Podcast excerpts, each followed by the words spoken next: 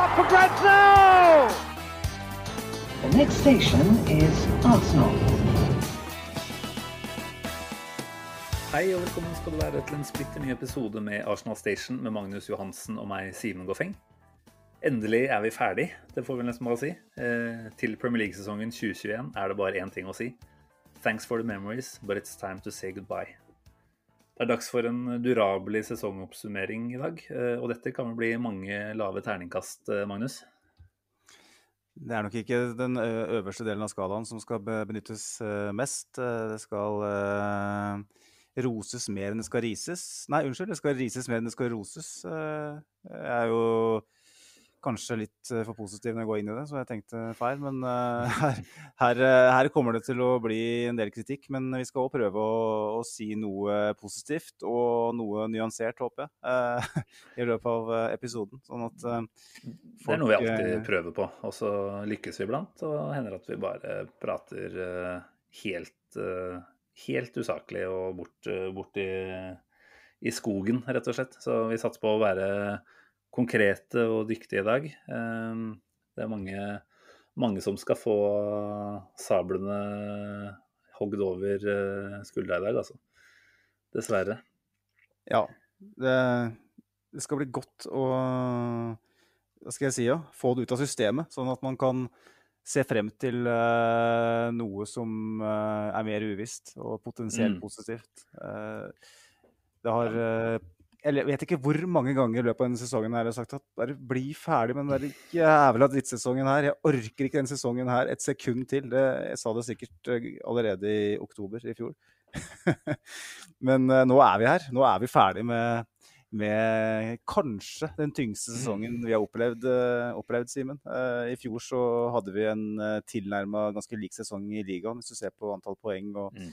Prestasjoner uh, osv. Men eh, da hadde vi FA-cupen, eh, som veide opp for det meste, egentlig. Eh, vi hadde en Arteta hvor det var veldig mye forhåpninger rundt, og som hadde en god start.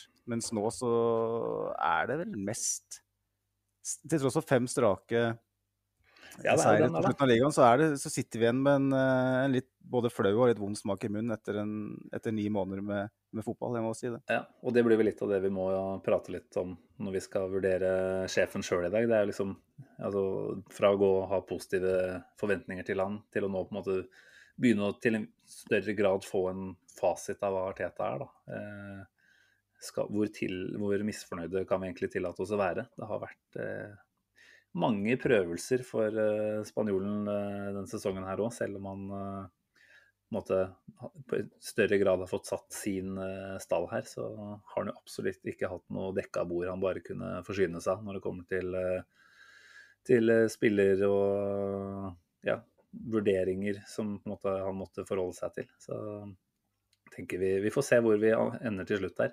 Men aller først så kan vi bare liksom Sesongen fra august til, eh, til i dag, da. Altså hvordan skal vi på en måte tegne den i, i bølger og bølgedaler? Starta vel med en ålreit eh, sesongpremiere, i hvert fall. Borte mot eh, Fulham. Eh, Gabriel, eh, Aubameyang, eh, Lacassette skåret vel òg, kanskje. William eh, tenkte vi alle at eh, han, han skinner sånn som vi hadde håpa på. Eh, og så var det vel da fram mot eh, denne famøse Boxing Day-kampen mot Chelsea, da, bare en nesten nedadgående negativ eh, trend. Hvor vi Hva var det vi satt med i ligaen der? da? Var det 4-3-8 som eh, statistikk eller noe sånt? Det var i hvert fall bekmørkt. Men så skjedde det jo noe, da. Fra 26.12. og utover. Så spørsmålet er jo hvor, hvor optimistiske på en måte nå bør vi tillate oss å være, med tanke på det som har skjedd eh, derfra og inn. Eh, Er det sånn at vi kan dele sesongen litt i to, tenker du rett og slett? Altså, du, du kan gjøre det hvis, øh, hvis du øh, ser utelukkende på tallene, i hvert fall. Der er det liten tvil om at, øh, at Arsenal har eh, hatt en total forvandling etter den Boxing Day-matchen, hvor Emil Smith-Roe kom inn og redda livet til øh, samtlige som lytter her, sånn fotballmessig i hvert fall. Eh, da er vi jo på andreplass i ligaen. Eh, på de siste 24 kampene med Mm. 47 poeng. Vi er riktignok 13 poeng bak City, men City har jo vært helt det, Vi kan ikke sammenligne oss med City heller, eh, men vi er foran alle de andre. Vi har skåra eh, tredje mest mål. Det er kanskje det mest overraskende her. For vi har jo Mm. tidvis følt at vi ikke klarer å knekke den koden, og det, det er jo delvis sant. fordi vi, vi har jo en 12-13 kamper i ligaen uten scoring, som er veldig veldig langt unna godt nok. Og flere av de kampene har vært etter, etter den Chelsea-kampen. Og så har vi det nest beste forsvaret i løpet av de 24 kampene. Eh, Og det det tredje beste som- over hele sesongen. Så der har vi vært gode. eh, må man vel kunne si gjennom eh, egentlig samtlige 38 kamper, da.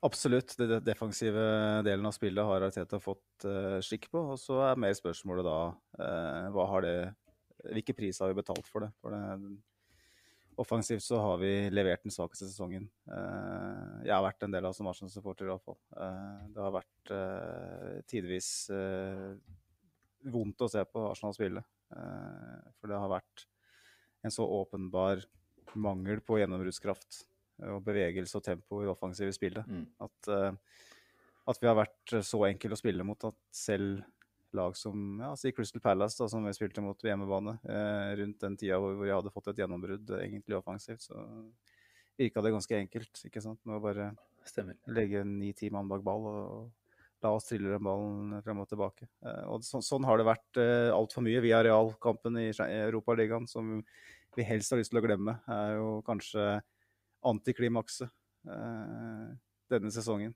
Eh, hvor Mm. vi på en måte får bekrefta alle, alle de tinga vi har frykta. At, eh, Ja, at ikke helt klarer å bryte ned en, en gjerrig og kynisk motstander. Da. Så Mm. det er veldig åpenbart hvor skoen trykker, og det er jo litt godt, da. Og, og i alle fall foran en silly season som kommer til å bli ekstrem. Uff, ja, det kan vi jo komme tilbake til i en annen pod, for det får vi ikke tid til å prate om i dag. Eh, alt som må gjøres inn og ut eh, med den stallen her. For der bør det bli hektisk, med tanke på at vi nå ikke engang er i Europa til neste sesong. Det skal trimmes godt eh, på antall spillere, altså. Det er vel kanskje greit å bare få det klart da, at vi havna jo på åttendeplass eh, etter at vi vant i dag mot Brighton. Vi spiller jo inn søndag kveld. Eh, Tottenham snudde jo til slutt mot, eh, mot Leicester og tok denne sjuendeplassen. Eh, da må jeg jo bare si for min egen del at det å ikke havne foran Tottenham og kunne få den etterlengta St. Tottenham Day, den, den svir jo. Det er fem år siden sist. Men når Bale eh, kontra inn eh, 2-4, da, eh, det skjedde jo litt etter at Arsenal-kampen var ferdig, så klarte jeg faktisk ikke å bli så ekstremt skuffa heller. For det, det, jeg vet at det, det sier sikkert alt om hvor bortskjemte vi er, og det er noe med Man vet ikke hvor eh, bra man har det før man mister og sånt. Eh, Men det å slippe denne nyvinningen Conference League til neste sesong, det gjør meg veldig lite. Eh, Og det handler ikke om at man ikke er interessert i kamper mot europeisk motstand, for du ser at det er faktisk ålreite lag fra en del av de andre europeiske toppligaene. Og Europacup er jo eksotisk på et eller annet vis uansett. Um, men jeg tenker jo at uh, det er ikke noe tvil om at en torsdagskamp uh, hver uh, annen uke i seks uker før jul, og eventuelt også da etter jul til neste sesong, det, det er et forstyrrende element, altså. Og vi har jo nå hatt mange si, dårlige erfaringer med Europaliga-spill kombinert med Premier League-satsing. Det har jo bare gått én vei, egentlig, jevnt over, siden vi havna i Europaliga-segmentet. Så det å kun ha Premier League å konsentrere seg om, det tror jeg blir veldig bra. Og ikke minst at vi får en del flere lørdagskamper. da. Sånn supportermessig så er jo det å foretrekke også. Så jeg vet ikke hva du tenker. Vi har vel snakka litt om dette her bare sånn du og meg imellom tidligere, og du har vel vært litt grann mer interessert i at vi skulle ta en europaplass til neste år? Um, først og fremst så ønska jeg meg St. Tottenham's Day, for det, det, begynner å bli jævlig flaut å havne bak uh, bitter lillebror uh, fem år på rad. Det er uh, ja. Heldigvis så måtte de betale prisen ved å måtte delta i den turneringen denne gangen. Da. Men er, jeg føler jo det at når du skal bygge for fremtida, så bygger vi jo for en fremtid med Europacup. Mm. vi, vi, skal ha en stall som er bred nok og god nok til å delta på fire fronter. Uh, og da er det i særdeleshet Premier League og, i europacuper vi, vi, vi, tenker at det er viktig å ha, ha alternativer da, i alle posisjoner. Når vi plutselig da skal spille uh, kun 38 ligakamper, og hvor enn mange kamper det blir da i ligacup og FA-cup, så er det ikke sånn at vi kan slanke stallen vår basert på det for én sesong. Eh, vi, kan, vi, er nødt til å ha en bredde i troppen som tilsier at når vi da eventuelt klarer å kvalifisere oss da, via ligaen i neste, neste sesong, så, så, må vi eh, Så kan vi ikke være i en situasjon igjen hvor vi må ha inn sju, åtte, ti spillere for å, for å, være med på det. Eh, og jeg tenker at det er en god trening for, for troppen å hele veien ha den, det elementet. Det å mm at, unge, du har en, noen unge spillere som er up and coming, som får den matchtreningen gjennom Europacup. I stedet for da potensielt eh, ha spillere som ikke får bidra i det hele tatt. Eventuelt så, Du kan låne dem ut, selvfølgelig, men hvor mange spillere skal låne ut? da? Eh, og hvor, hvor vellykka blir det når man nærmest må eh, hva skal jeg si, ja, låne ut eh, ti-tolv spillere i, i påvente av at på et eller annet tidspunkt skal vi tilbake i det gode selskap. Så jeg, er litt usikker på hvor positivt det faktisk er. Da. Jeg vet at jeg, er glad for at jeg slipper distraksjon. Jeg ser det positive ved at, at uh, trenerapparatet mm. kan jobbe på feltet hele uka og forberede. Uh, men skal Arsenal tilbake i det gode selskap på sikt og være med å kjempe, så må jo klubben og spillere og hele dynamikken må jo være uh, forberedt på at vi, skal, at vi, må jobbe på den måten. Det her blir å jobbe på en helt annen måte enn sesong. Nå, ja, det er et godt poeng. Det er et uh, viktig poeng òg, tenker jeg. Og utviklingsarenaen for en del av de uh, fringe-spillerne, uh, unggutta, som vi gjerne kanskje ville sett mer denne sesongen, uh, den, den, blir jo til en stor grad borte, da. Det gjør den. Og syns jo at eh, poenget ditt med dette med inn og ut, det, det, er for så vidt uh, godt. Så tror jeg ikke vi snakker om et så heftig antall som at man uh, nå Hvis man nå slanker såpass mye som vi mener at vi bør gjøre, så tror jeg fortsatt ikke man trenger å hente inn syv-åtte nye neste sesong. Dersom vi forhåpentligvis er tilbake i Europa i det aller beste selskapet aller helst, selvfølgelig. Um, men, men jeg tror dette med å ha fokus på på kun én turnering, eh, det tror jeg vil kunne gagne oss veldig. Da. Og jeg tror bare Jeg tror faktisk det ville blitt eh, det som kan bli tungen på vektskåla til neste år. Eh, om vi skulle surra rundt i Øst-Europa annenhver torsdag for så å skulle prestere igjen. Selv om det ville vært en, nesten en sånn A- og B-lagsløsning, så måtte jo, som du sier, trenerne vært brukt tid både på å forberede på kamp, være med å reise. Jeg tror det å få den roa rundt det her nå, det har jeg ganske god tro på at det kommer til å være til det beste. Og så tror jeg at man ved å virkelig kunne satse på Premier League eh, Det er sikkert naivt å begynne å håpe på en topp fire allerede neste år, men OK, vi var bare seks poeng bak i år. Så større undre vil ha skjedd om vi skulle vært tilbake i Champions League etter neste sesong.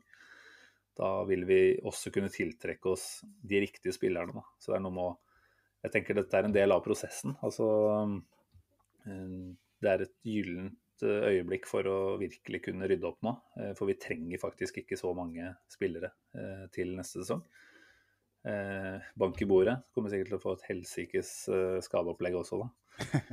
Men så får man heller bygge derfra jeg tror Arsenal som klubb vet i utgangspunktet veldig godt hvordan det er å kombinere eh, flere ting. Eh, seriespill med Europa.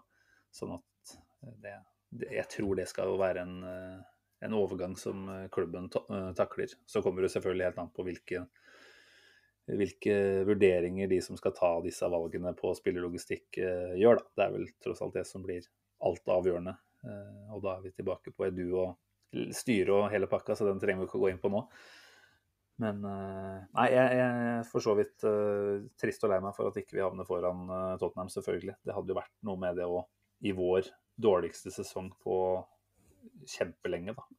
Faktisk uh, komme foran et Tottenham som ble snakket opp i tittelkampen i november-desember. Når vi var helt nede og snuste på nedrykk, nesten. Så synd sånn sett, men det er jo en ting, men det er jo mer en symbolsk greie, da.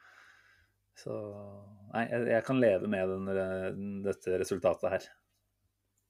Ja, og vi skal snakke litt om både oppturer og nedturer eh, i løp, som har vært i løpet av denne sesongen her. Og når det gjelder oppturer, så er jo en av høydepunktene nettopp eh, Tottenhams kollaps. Da, det faktum at, eh, at de vant ligaen i november. Eh, og likevel havner bare ett poeng foran oss. eller hva det er. Så uh, og mister sin beste spiller til sommeren og ikke, har manager.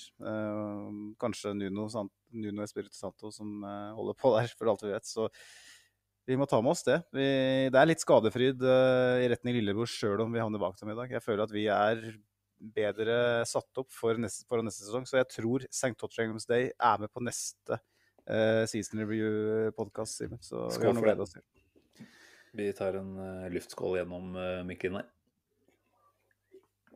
Men vi må vel begynne å trille noen terninger òg, Magnus. Det var vel det vi hadde som hovedoppgave i dag.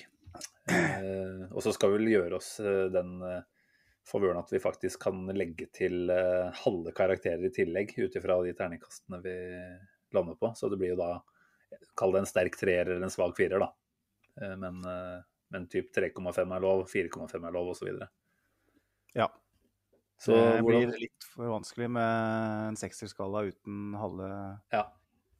halve poeng. Også. Sånn sett så er det jo lett å ta oss på at hvorfor bare ikke kjøre en tierskala. Men det er et eller annet med å kunne trille en terning, altså. Ja, det er jeg helt enig i. Så jeg vet ikke hvordan skal gjøre det. Starte bakerst eh, og jobbe oss framover, og så felle dommen over Arteta til slutt, eller? Ja. Er det riktig framgangsmåte? Syns det høres strøkent ut, Simen. Ja. Og da ja, skal jeg være så hyggelig at jeg lar deg få starte, da, med tyskeren bakerst, Bernt Leno, som jo ble det ubestridte førstevalget eh, før sesongen, når Martinez eh, dro. Eh, fikk jo en god start, eh, Leno. Var vel Altså, han har jo jevnt over vært ganske solid, men han var veldig god i starten. Og så har han jo i mine øyne hatt en skikkelig nedadgående kurve utover, dessverre, da. Eh, hva det kommer av, det er vanskelig å si. Om det kommer av det klimaet som på en måte har blitt skapt av eh, klubben, med tanke på at man ikke klarte å gi han en ordentlig ordentlig utfordrer på keeperplassen, det er vanskelig å si. Men han må jo ta ansvar for sine egne prestasjoner. Eh, hva, hva er det du lander på her, når det kommer til terning? Det blir rett og slett en treer uh, fra meg. Okay. Syns han hadde en god høstsesong og holder oss inne i en del kamper der hvor vi skaper null og niks mm. og stort sett bare triller kule og får en del uh, imot oss. Så, um, så, skjer det noe egentlig spesielt nå mot slutten av sesongen, mm. hvor, uh, hvor, det er noen intervjuer med en hvor han antyder at han kanskje uh, er interessert i å forlate klubben. og Han blir linka sterkt vekk fra ganske pålitelige medier, mm. selv om han benekter det selv.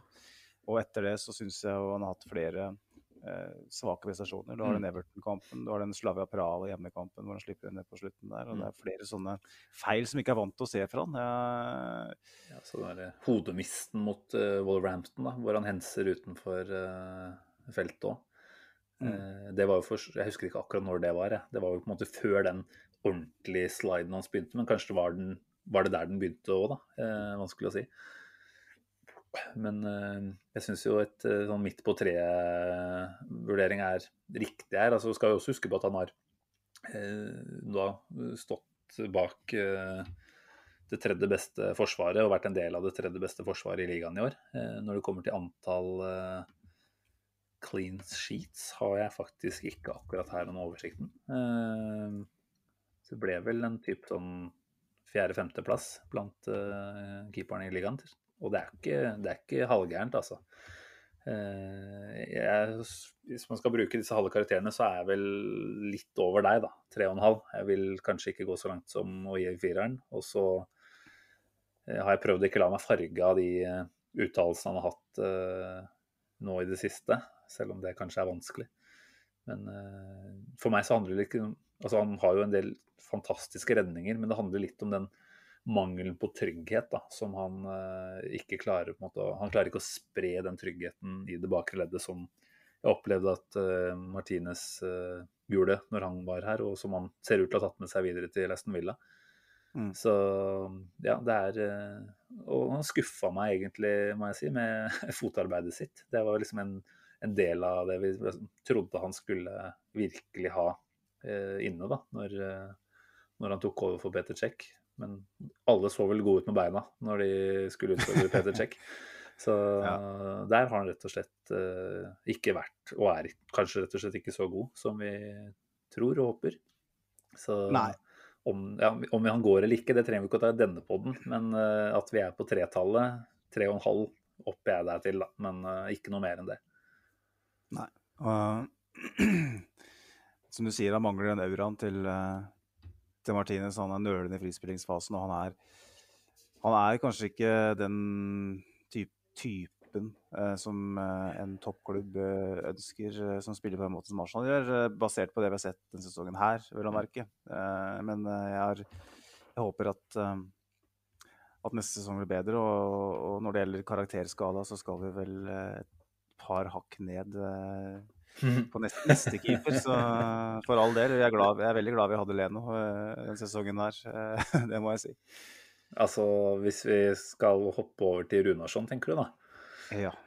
Det er jo nesten slemt å gi han en vurdering. Altså, han har ikke hatt en eneste Premier League-opptreden, vel? Har han det? så det er jo det vi har sett av han i to Europaliga, én eller to Europaligakamper og det samme antall ligacupkamper, liga var det vel? Ja. Eh, jeg vet ikke, Simen, om du skal gi altså, karakter. Jeg har jo satt en karakter her. Jeg har ikke satt karakter på Matty Ryan, for jeg følte at han har vært her for kort tid osv. De har jo spilt ca. like mange kamper, da. Så, Nettopp, så hvis du først skal er det dårlig gjort. Det er dårlig gjort. Arsenal-fans, så han får en femmer av meg i Ryan i hvert fall. Men eh, nei da.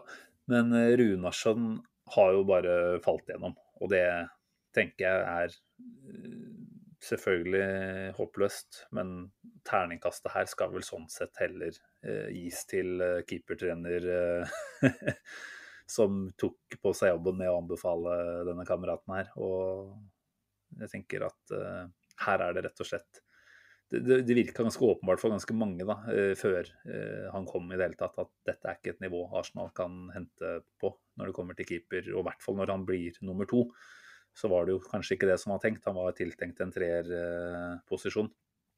Men eh, ja, vi husker jo alle dette, dette håpløse han hadde mot City. Når han ikke klarer å stille opp mur og ikke klarer å holde ballen eh, når han kommer i keeperhjørnet. Det, det, så rett og slett Jeg fikk så vondt av han, rett og slett. bare at han har holdt hodet over vannet og vært med på trening og sånn sett. Eh, ja, i hvert fall vist at den eksisterer resten av sesongen, da, når han har blitt eh, måte, offentlig ja, vist hvor uh, begredelig han er. Da. Det, jeg, jeg, blir jo litt lei meg på hans vegne, og så, så, så jeg kan fortjener et terningkast én herfra. Nei, det skal vi la være. Så, jeg, så jeg, jeg har trilla terning, og det har blitt terningkast to. Eh, ja. Men i den grad man i det hele tatt hadde trengt det da, på et så eh, spinkelt grunnlag. Jeg syns du gjør en god vurdering egentlig når du først sier at, uh, at vi skal la være, men så gjør du en dårlig vurdering at du skal, likevel skal gi en, eh, et terningkast her. Da. Jeg, jeg, føler at han er liksom vår Taibi. Da. Og jeg ser for meg Roy Keane med kvelertak på treningsfeltet. Uh, altså, det her er en, en, en, fisk på land så til de grader. Jeg har aldri sett en, en keeper i Arsenal som har vært så langt unna nivået. Jeg tror jeg aldri har sett en fotballspiller i Arsenal, med unntak av Igor Stepanov, som har vært så langt unna nivået som trengs. Og jeg skal ikke nevne hva jeg Jo, jeg kan gjøre det da når du har gjort det. Jeg har satt 1,5 på den. Og det, da føler jeg meg slem, men det, det er realiteten. Han Og det er, kanskje, en kamp her som gjør ting litt urettferdig, men jeg, jeg, det var bare så langt unna at uh, og det, det skjønner du òg med en gang, at han, han, har jo ikke vært i nærheten etter det. Han har vel ikke spilt etter det. Nei. Uh, han var vel egentlig ikke på trening heller en periode. Det var sånn Han var borte fra alt av bilder og omtale. Det kan hende de skjerma han for så vidt òg, men det var nesten så du lurte på om de hadde tatt den ut i skauen rett og slett der, altså. en runde rundt fjøset. Jeg vet ikke, men en god bit. Men uh, jeg tenker at vi får gå videre til ja. en som fortjener uh, Eller det betyr at du... en som uh, har har eh, gjort seg ja, hatt nok prestasjoner eller kamper da, til å kunne forsvare en karakter på en terning. Ja, tenker du at vi er ferdig med keeper, eller tenker du at vi skal gi en til Ryan også? Jeg har ikke satt noe på Ryan. Nei, jeg, jeg, jeg eh, eh, får jo i hvert fall en bedre følelse av Ryan som andrekeeper. Det må jeg si. Så han har vel holdt nullen i i hvert fall én kamp. Men eh, jeg likte jo godt denne, denne videoen. Det var vel i debuten hans mot Esten Villa, hvor han for så vidt ikke fikk noe hjelp fra Forsvaret i starten der, men holdt jo buret rent resten av eh, matchen, selv om det ble tidlig innsluppet. Og derfor, er Ja. ja, altså Grunnlaget for å sette karakter ørlite, men hvis jeg skulle satt en karakter, da, så ville jeg i hvert fall vært sånn i forhold til hva han gir meg av eh, følelse og trygghet, eh, ett hakk opp. Så han er en treer på min terning. Eh, og jeg tenker at eh, jeg gjerne tar han med som eh, backup-løsning til neste sesong. Det tror jeg kunne vært helt i orden. Så har han vel like mange assist som flere av uh, midtbanespillerne våre. Så en treer får han fra meg. Også. Absolutt en, en, en type som, som kan fungere som backup hvis, hvis det blir aktuelt. Ja, men Vi får hoppe videre til uh, forsvarsleddet. Starte på høyresiden. Uh, du kan jo velge hvem av de høyrebekkene du vil starte med. Det er ganske mange, men eh, jeg starter med Beirin, da, som, er, eh, som var førstevalg når sesongen starta. Mm. Du kan jo få lov til å uh, gi dine vurderinger Mm. først, Steven. Altså, det var vel en snikende følelse allerede før sesongen om at uh, Beirin etter uh, denne skaden han pådro seg, eh, ikke var den vi ønska lenger. At det var en del mangler der. Um, han starta vel faktisk ikke så halvgærent. Eh, hadde noen assist i begynnelsen der. Jeg Husker ikke helt hvordan sesongen hans på en måte utvikla seg sånn i forhold til tallene, men eh, men eh, det er jo også verdt å nevne at når vi setter karakterer, så handler det vel også litt om hvilke forventninger eh, vi har hatt til spillerne før sesongen. Og med tanke på at han var førstevalget på høyre bekk, og kanskje navnet da, vel så mye som spilleren som måtte gjøre at man har litt forventninger der, så, så hadde jeg jo et håp om at han skulle være veldig mye bedre det han, enn han har vist seg å være. Eh, og han har rett og slett virka ja, nesten for utrent og ikke fysisk i stand til å Mm. være en del av dette her. Og er vel heller ikke helt den typen som passer inn i Artetas uh, måte å ønske bekkene eller bekkspillet på. Da. Så var han, bare for å ta tallene hans, han har landa på én scoring, det fikk han. Han hadde to målgivende. Og har fått uh, 25 kamper totalt i Premier League. Da. Og jeg må vel si at jeg lander på to, to og en halv. Så jeg, to og en halv er vel der jeg kanskje kunne tenkt meg å, å sette den. Ja, da er vi på linje der, Simen. Jeg har satt to og en halv på Beirin. Han eh, Jeg syns du oppsummerer det godt. Han, eh, han blir av en eller annen merkelig grunn linka til PSG og Juventus og sånn hele tida. PSG-linken PSG-linken, den vedvarer. Eh, Der har du de bekka de har hatt på i PSG, har jo vært helt så som så, egentlig, hvis du ser på dem. Og han er jo en uh, type som kunne kanskje passa inn i bybildet i Paris, i hvert fall. Uh, og, og litt sånn glamour rundt seg. Og, men han har mista farten, rett og slett. Mm. Både første meter og toppfarten og alt er, er, er borte. Han er uh, tidvis rundingsbøye og store problemer mot fysisk sterke og raske spillere. Og Mm. Arteta har jo avskilt han totalt Ja. uh, nå, så det var uh, to og en halv, som du sa, som blir, uh, Ja. Blir på han. Og jeg er redd vi har sett Behrin for siste gang. Ja, og det er jo trist, fordi vi har jo snakka mye om hvor godt vi liker typen. Eh, og han er jo en personlighet som, hvis han blir borte, kommer til å bli savna. Jeg tenker at han er nok en, en som er ganske viktig for garderoben, da. Eh, nummer to eller tre på, på kapteinsranken er han vel også, så så tenker at han, han går nok, men det blir et tap, da. I hvert fall eh, på alt annet enn det sportslige.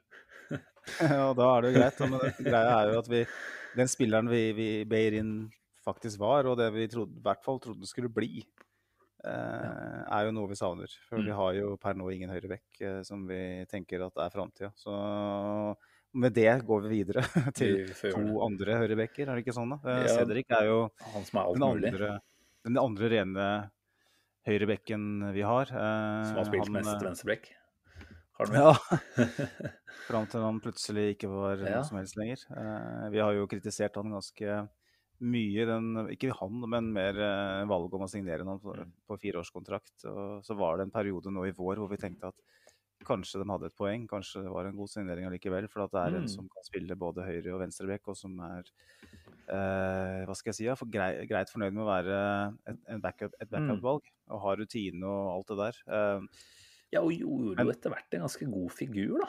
Altså Det var jo ikke Det var ikke sånn at han var noe sjokkerende god, men det vi på en måte frykta litt når vi hørte at uh, Southampton eh, tenkte at han var helt utafor fysisk og sånn, det stemte jo ikke. Han, han overlevde jo ganske greit. Uh, Mm.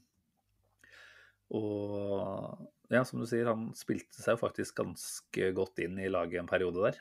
Og var vel egentlig på sitt beste når han da fikk eh, landslagsuttak eh, i mars. Og plutselig så var han også helt borte. Han gjorde et par feil, et par matcher på rad, bl.a. den mot Aston Villa i første minuttet, Ja. var det ikke det? Eh, når vi Sant. tapte på Villa Park, og plutselig så var han svartelista hos, Mm. hos Arteta. Det er litt sånn tendens vi har kanskje litt sett ved Arteta, at han, han er ikke redd for å bare sette ned foten og si sorry, Mac, du, du er ikke med. Eh, selvfølgelig nye nyanser her, men eh, jeg syns det var litt rart eh, at at han plutselig da, når uh, Tierney blir skada i ukevis nå i vår, i den mest definerende perioden i sesongen, da, eh, at han da velger å bruke Granit Xhaka uke etter uke. Han bruker den både i Premier League han bruker den i Europa League. Det er liksom ikke snakk om at, eh, at Cedric skal få én kamp. Han er rett og slett bare ute. Uh, og jeg syns det er veldig, veldig rart. Og det, jeg lurer veldig på hva, det, hva som ligger bak det. Og, og det som til syvende og sist blir eh, dommen, er jo at det blir en helt meningsløs signering. Igjen en fireårskontrakt på en spiller som ikke engang kan brukes når eh, på en måte førstevalget er ute. Eh, Callum Chambers har jo da blitt førstevalg på, på høyre back, og Hector Beirin har vært da backup Mm. i vår. Mm. Eh, Cedric virker avskilta fullstendig, og Mm. da lurer jeg, lurer jeg igjen på hva er det som, som skjer. da, For at det er en fyr vi uh, sannsynligvis må, må slite med i tre år til. Eh, Nei, det nekter jeg Tror du ikke det? Ja, Tror du ikke altså, Hva er det han har, da? 70 i uka eller noe? 1000 pund, altså? Jeg, jeg håper jo og tror at uh, også disse Altså, jeg, jeg tror vi får han vekk på et eller annet vis. Uh, om det Kanskje på lån, da. Men uh... Ja, om det blir å dele en del av lønna og sende den på lån, eller å, sende den ut uh, gratis. eh, og at en annen klubb bare får tatt over kontrakten hans, det, det veit jeg ikke. Men Ja. eh, jeg tror det skal være mulig å få han videre, altså. Og det er jo ingen grunn til å beholde han heller. For det, som du sier, så svartelista som han er, det virker det jo ikke som det er noe vei tilbake fra nødvendigvis. Men eh, det kan jo være ting som ikke vi kjenner til, selvfølgelig. At det er noe skadeproblematikk der som ikke vi har fått med oss. Men eh, det pleier jo å ja, komme fram, da. det pleier, pleier for så vidt det. Så Mm. jeg har satt to og en halv på han, samme som Behrin. Ja, nei, jeg satt faktisk en, eh, en toer. eh, Men det handler jo litt om at han, han har bare spilt åtte kamper fra start og et par innbytter i Premier League. Eh, hadde vel én mållevende. Det er vel det han har. Så ja, det er eh, Jeg vet ikke helt hvor, hvordan jeg på en måte kan argumentere for at jeg gir han lavere, når jeg egentlig hadde også mye lavere forventninger enn jeg hadde til Behrin. da. Så mulig at jeg møtte meg selv litt i døra der. Kanskje jeg skal uppe den litt, da. Litt opp til der du er. Det spiller jo ikke noen stor rolle uansett. Det har vært en skuffelse. Nei, høyrebekk har vært 90 på to og en halv så langt. Så. Ja, det var i hvert fall én da, som drar opp litt, grann, som vi kommer til nå. Eh, som Vi skal jo begynne å kåre noen overraskelser og sånt eh, mot slutten av denne her òg. Og en som nesten kunne kommet inn og vært en av årets overraskelser, det er jo Callum Chambers. Fra å ha vært eh, ja, både mye skadeplaga og mye ute på lån, og egentlig ikke har hatt noen utsikter til å være med i Arsenal videre, så har han jo virkelig blitt eh, Artetas foretrukne mann på, på høyrebekken. Eh, han eh, fikk vel den første kampen i dette runnet her på mot Burnley. Og så var det særlig Westham-kampen, hvor han linka opp med Ødegaard. Og det ble veldig synlig for mange at ja, faen, han, han, er jo fortsatt, og han gjør en ganske fin uh, figur. Da har han jo vært uh, omtrent fast inventar i ligalaget siden det. Uh, mm. Må jo si at han har en del attributter som, som en moderne høyrebekk skal ha. Og han har jo i tillegg høyde og fysikk som er uh, mer enn det du på en måte forventer av en, uh, en klassisk høyrebekk. Uh, mangler et lite knepp på farta, men hvis, hvis, man skal begynne å sette den opp mot uh, Behrin, så, så, har den jo ikke på en måte blitt, blitt, avslørt på farta på noen måte heller. Sånn som vi Igjen, jeg tror vi har lært, latt oss påvirke veldig av det han ble utsatt for i denne kampen mot Swansea for mange år tilbake. var det Jefferson Montero. Han mm ble brukt eh, Ble en rundingsby nærmest, ikke sant. Og det er lett å da ha en tanke om at ok, Chambers kommer aldri til å funke i den rollen der. Særlig ikke mot raske kantspillere. Eh, og nå har jeg ikke helt oversikt over hvilke kanter han har vært eh, opp mot siden da, men han, han starta jo mot, mot Newcastle. Nei, han kom kanskje innpå mot Newcastle, da fikk han jo bryna seg på St. Maximin ja, hvem andre er det han har eh, spilt opp mot? Jeg vet ikke helt. Men uh, jevnt over så har han i hvert fall gjort en trygg og god figur. Og en innleggsfot som er blant de beste i klubben, tenker jeg òg. Så her har jeg vært såpass raus. Igjen, det er et lite grunnlag, men jeg har faktisk satt en, en 3,5 på han, altså. Ja. Jeg følger argumentasjonen din, Simen. Jeg har gått ned et hakk, ikke et hakk, men et halvt hakk, til tre. Og det er bare basert på Eh, at han har spilt for lite, rett og slett, eh, mm. til å forsvare en høyere karakter. Og det er litt sånn sammenligna med andre som har spilt mer, eh, som er i samme sjikte. Men jeg er helt enig med det du sier. Han er beste bekken vår offensivt uh, vært den sesongen her. Og det handler mye om innleggskvalitet og evnen til å kombinere med spesielt Ødegaard, men òg andre, med Saka blant andre. Uh, han er den beste venstreback defensivt, sannsynligvis. Han har høyden, han har én-mot-én-ferdighetene defensivt. Uh, som jeg av en eller annen merkelig grunn sliter med når han, er, når han er stopper, men når han er back, mm. så, så, så, ser han tryggere ut. Han, er, han har kanskje ikke det ansvaret sentralt. Altså han, han, kan fokusere mer på sin oppgave. Mm. og Det virker som det passer han, passer han, veldig godt. Jeg tror kanskje at Callum Chambers kanskje er en høyreback, uh, sjøl om vi får etter den Jefferson Montero-episoden, hvor Arsen Wenger uh, rett og slett var litt sadistisk og lot den være på banen så lenge. Uh, tenkte at han her han kan jo ikke være back. Men jeg tror kanskje det er høyrebekk han er. Det var høyrebekk han var når han kom til Arsenal. Uh, stopper syns jeg han ikke er. Uh, selv om han kan funke i en sånn høyre stopperrolle i en treer. Men som, som, en del av en toer så syns jeg han har falt gjennom for mange ganger nå til at jeg tenker at han er Jeg tror han er høyrebekk, altså. Og da er spørsmålet eh, hva gjør vi med Chambers? Ja, ja. eh, ikke sant? For han skal ikke være førstevalg i mine øyne, for han mangler en del attributter, eh, eh, syns jeg, til å være et førstevalg på høyrebekk. Men eh, klart får vi ikke tak i noen, så er jo han den som står frem per nå som et klart førstevalg. Og det, det sier kanskje mest om eh, ja. og hans eh, fall from grace, men en en samvittighetsfull, påskrudd fyr også, mm. som, får, uh, som, jeg tror har litt lederevner òg, som ja. har vært i klubben veldig lenge. Så, det tenker jeg er viktig å ta med. Han kom jo i 2014, og selv om det har vært utlån både til uh, Middlesbrough og Fulham, da, så, så, er jo det en fyr som vi på en måte må tro at har, har en viss personlighet i, i garderoben. Da. Så du skal jo på en måte aldri kimse av det å være homegrown heller. Så tenker eh, jeg, jeg, kjenner at jeg er litt bekymra hvis vi går inn i neste sesong med Chambers og Cedric som høyreback-alternativene våre. Uh, det er i hvert fall litt uh, underwhelming, kan man vel kalle det. Men uh, sånn som han har prestert i det siste, så, så er han jo absolutt ikke det største problemet hos Arsenal.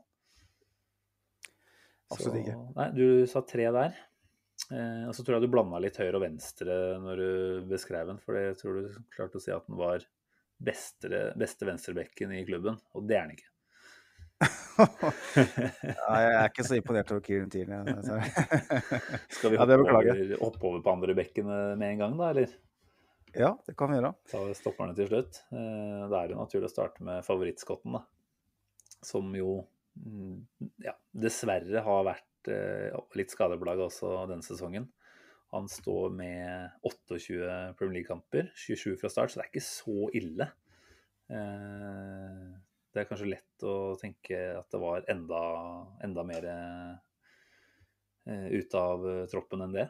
Jeg vet ikke om Du har jo på en måte vært ute og proklamert at vi burde se på et alternativ som kanskje er like godt som Tierney. fordi vi ikke nødvendigvis kan stole på at han er der eh, så ofte som vi trenger den. Men eh, 27 starter av 38 mulig, det er ikke helt halvgærent, det, altså. Nei, og det, det er nok farga litt av totalen eh, hans. eh, som var, Han var veldig lenge ute for, i forrige sesong. Han var en del ute i Celtic-sesongen før der, selvfølgelig. Og så, så kom han tilbake mye tidligere enn vi trodde nå i, i, i vår. da. Så Mm.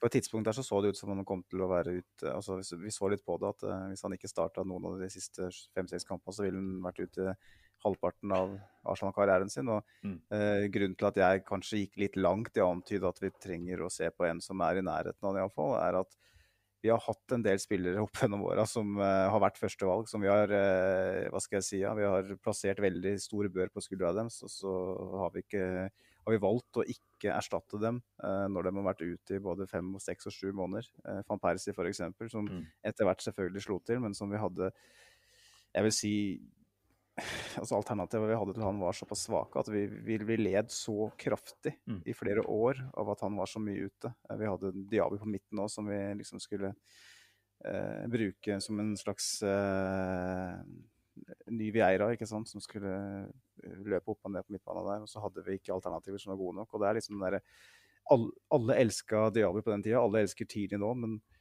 legg den kjærligheten litt til side og se på hvor mye er det han bidrar. da. Mm. Uh, og, hvor, og se hva det gjorde med sesongen vår. At han var ute i den mest definerende perioden. Jeg tror at med Tierney på venstrebekken i begge kampene mot Villarreal, så er vi i finalen i Europaligaen. Ja, og da kan du jo selvfølgelig begynne å si at uh, det var også takket være alle omrokeringene som Arteta valgte å gjøre, da. Eh, det var ikke bare Tierney isolert sett, det var jo også det at Sjaka ble borte fra sentralen og ditt, ditt og datt. Men, eh, men ja. Men hva var alternativet? da? Vi, har ikke, vi, vi hadde ikke noen gode alternativer. Og, det, og da er det sånn Ja. eh, En, en eh, Ryan Bertrand, hadde det, hadde det vært nok? Da, for å ta en, Mm. det som er linka inn. Uh, Uten at vi tar Villarreal. Jeg, jeg tror at For jeg syns å ha sett fra Saka fra høyre, eh, flanken, at han i den, de siste ti kampene ikke har vært like effektiv der, da. Så jeg tror at ved å sette han, særlig i den returkampen mot Villarreal, på venstrebekken, eh, og la Chaka eh, starte sentralt da starta jo Tierney på venstrebekken i returkampen. Det gjorde han, det Eh, er sant. Men det var jo kanskje ikke en Tierney som var 100 Nei, det, det er et godt poeng. Derfor du arresterer meg. Men, eh, men at han har vært savna når han har vært ute, det er det ikke noe tvil om. Eh, Og at han har bidratt godt når han har vært eh, til stede, det er jo heller ikke noe tvil om. Så tallmessig så har det jo ikke vært helt fantastisk. Det er én goal og tre målgivende i, i ligaen. Og så var det jo en viktig scoring i Europaligaen. Eh, Men det er jo et eller annet med ja, både måten han tillater oss å spille på. Han eh, gjør jo at eh, det offensivt henger godt sammen, og han er jo trygg stort sett defensivt, selv om vi så at han var noe rusten etter det skadeavbrekket.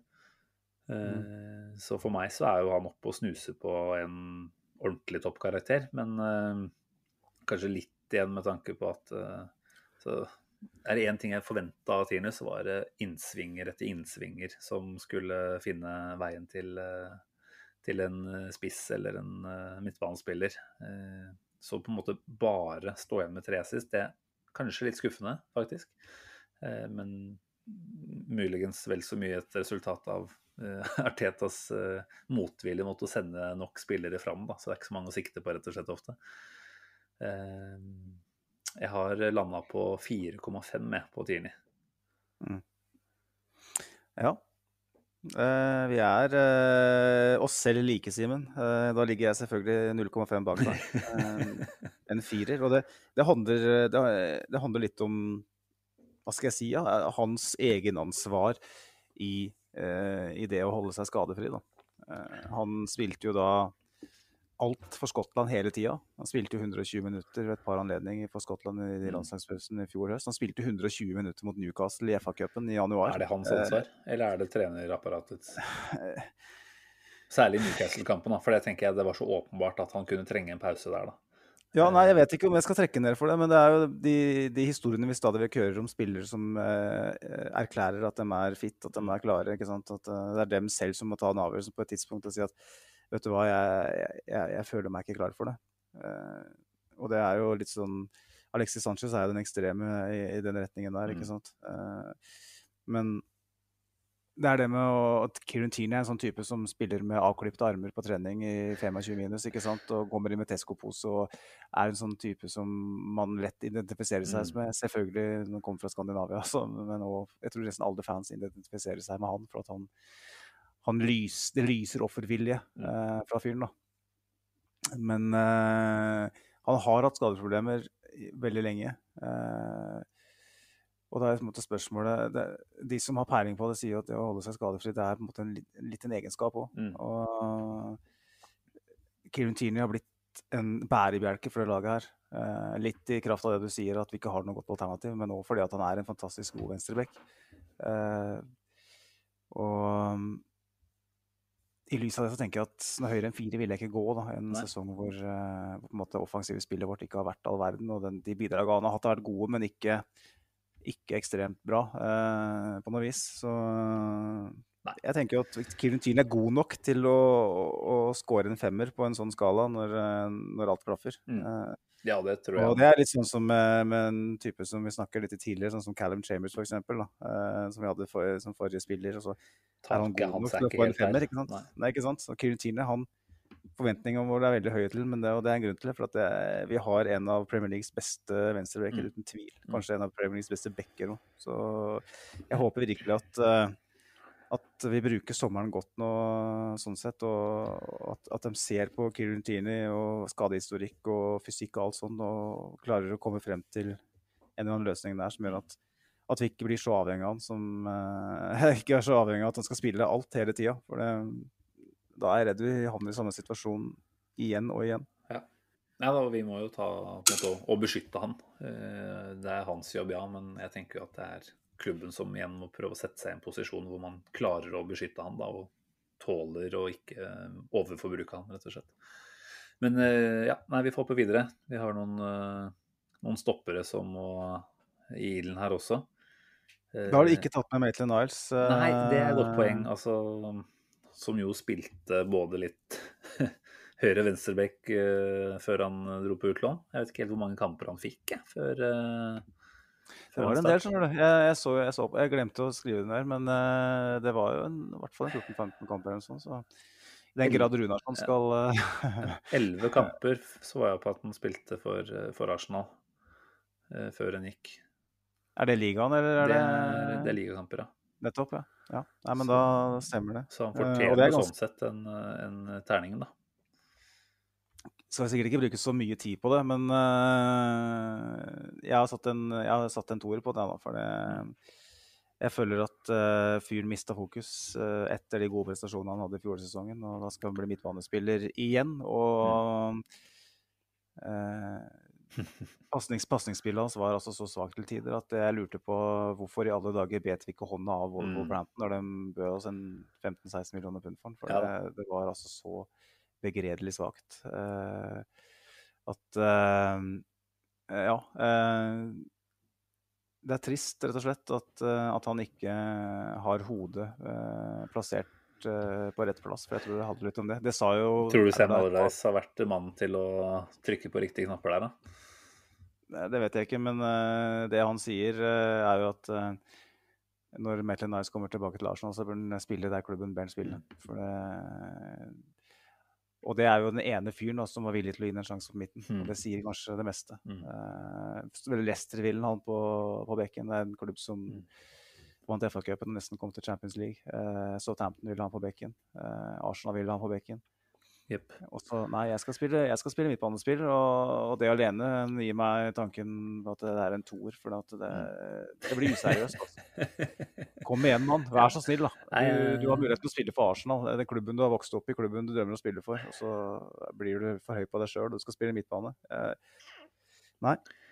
Jeg hadde jo egentlig som sagt ikke satt en karakter her, eh, men jeg klarer liksom ikke å huske noen standout-øyeblikk som gjør at jeg må noe høyere opp enn en toer, jeg heller.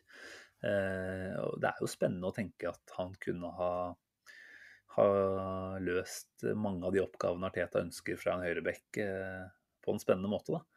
Eh, ja, han har altså Se på Cancelo da, på City, uten at vi skal dra parallellen mellom Guardiola og Arteta hele veien, så, så får jo bekkene ofte en sånn midtbanespillerfunksjon i oppsetninga der. ikke sant? Og burde ikke det kanskje kunne vært kompromisset for Maitland Niles òg? At eh, utgangsposisjonen hans er høyrebekk, men at han i en del faser av spillet vil opptre som nærmest en midtbanespiller.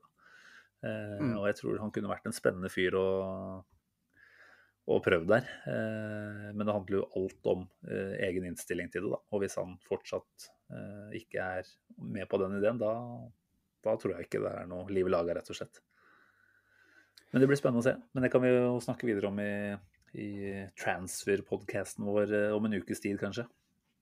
Ja, og eh, nå, nå skal jeg sikkert videre på stopperne, men jeg har enda en du, som jeg har lyst til å gi en karakter til, eh, som spilte en del kamper. Så det er Kolasinac. Å, ja. Trodde du skulle opp på Chaka. Nei, Kolasinac Ja. spilte jo ikke mye. Han spilte jo en del, gjorde du ikke det? Spilte ikke han en del stopper? Eller var det i fjor? Han har ikke spilt mye vel. Ah, hvorfor sjekka vi ikke det i forkant, Simen? Vi kan sjekke det nå, da. Altså, i ligaen denne sesongen her, én opptreden. Eh, okay. Det var fra start. Eh, var på benken i tre. Vet ikke hvordan det var i, eh, i Nei, da- Europa. Det var vel noen, men eh, Skal vi kutte den? Kutte colaen? altså, Er det flere? har-? Han har- der, det er jo den italienske Grand Prix-vinneren burde ha kutta colaen i går. Ja. Men uh, jeg tror vi skal kutte den nå. ja, men igjen, da, når vi gir uh, terning til uh, Runarsson, da fortjener jo Kolasinacen også. Det blir jo ikke noe høyere enn den toeren heller. Nei. Skal vi ikke bare si, uh, si to, da, så er vi ferdig med Vi deler ut. Alle skal få. Alle skal få terning. Greit. To til Kolasinac. Tida går, så vi kan ikke bruke altfor mye tid på alle sammen heller. Eh, nå hopper vi videre til stopperne, med tanke på at vi da tenker at Chaka heller skal få lov til å eh, vurderes som en av midtbanespillerne. Eh, starter med mannen som eh, takket for seg eh, i garderoben i, i går. David Louise, som jo da har spilt sin siste kamp. Det er vel en slags enighet om at han ikke skal bli med videre.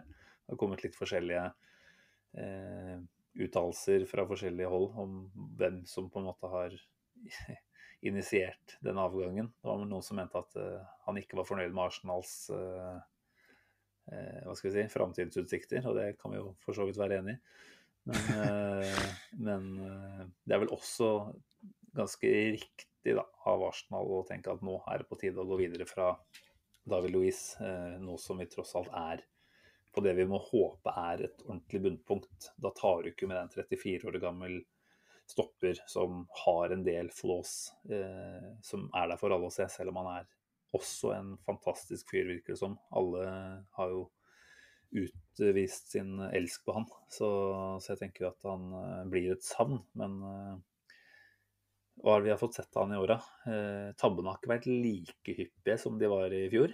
Eh, det må han i hvert fall få for. Eh, og han har jo noen kvaliteter bak der som han er alene om på stoppeplass.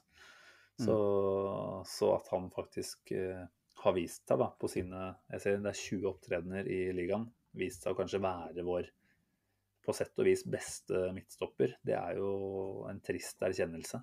Men eh, eh, Eller kanskje ikke vår beste sånn sett, men i hvert fall en som er en viktig katalysator for mye av det spillet vi ønsker offensivt. da.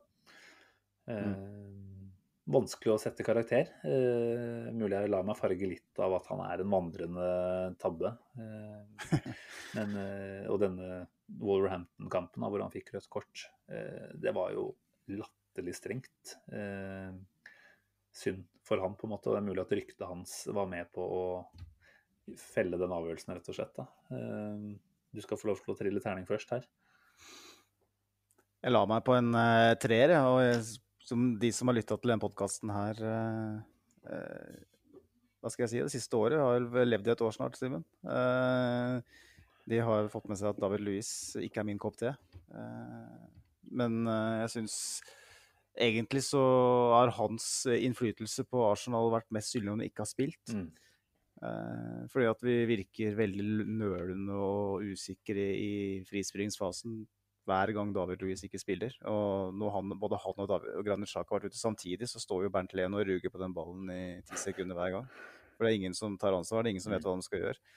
Så det er helt åpenbart at David Louis har bidratt med mer i oppbyggende spill enn det vi kanskje har gitt en kreditt for tidligere. Mm.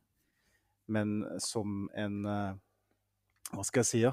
en midtstopper da, som primært skal være en forsvarsspiller, så har jeg hele veien ment at han ikke er uh, rett mann. og Han kan være påskudd og god i enkeltkamper, uh, men så kan han være helt borte i andre kamper og, og, leve med den risikoen hele veien. Og når han i tillegg måte skal være lederen og den mest rutinerte, mm. så, så, blir det feil for meg, da. Uh, det her blir jo mer en helhetlig vurdering, da, men sånn, sesongen sett i ett så syns jeg han har prestert OK og vært uh, viktig for oss uh, i en sesong hvor vi havner midt på tabellen, mm. på en måte. Uh, og da, da, får han en treer. og jeg vet ikke hva du Nei, ikke du overraskende vel, så har jeg da lagt meg et halvt tak over. Tre og en halv. Jeg syns det er vanskelig å gi han noe høyere enn det. Han har jo ikke spilt mer enn da halvparten av kampene heller, så han har jo ikke av ulike årsaker helt klart å være Jeg vet ikke hvor mange ganger han har blitt eh, skal vi si, satt ut. Det er vel stort sett skader i så fall, eh, eller suspensjon, da, som har gjort det. Mm. Eh, og det også sier jo mye om Artetas eh, syn på han. da. Men så er det jo ikke dermed sagt at Arteta alltid har rett på alle måter, han heller.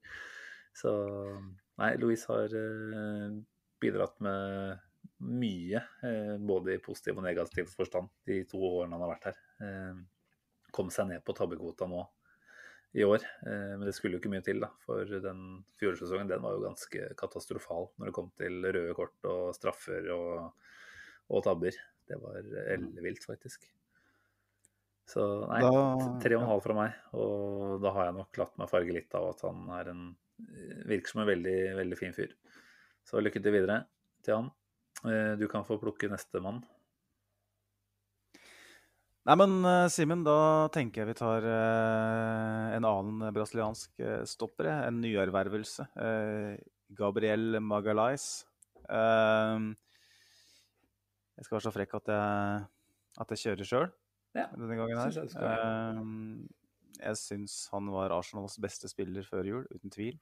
Fikk vel tre måneders mm. på rad. Han var et, et skinnende lysglimt i en helgrå Arsenal-utgave, egentlig.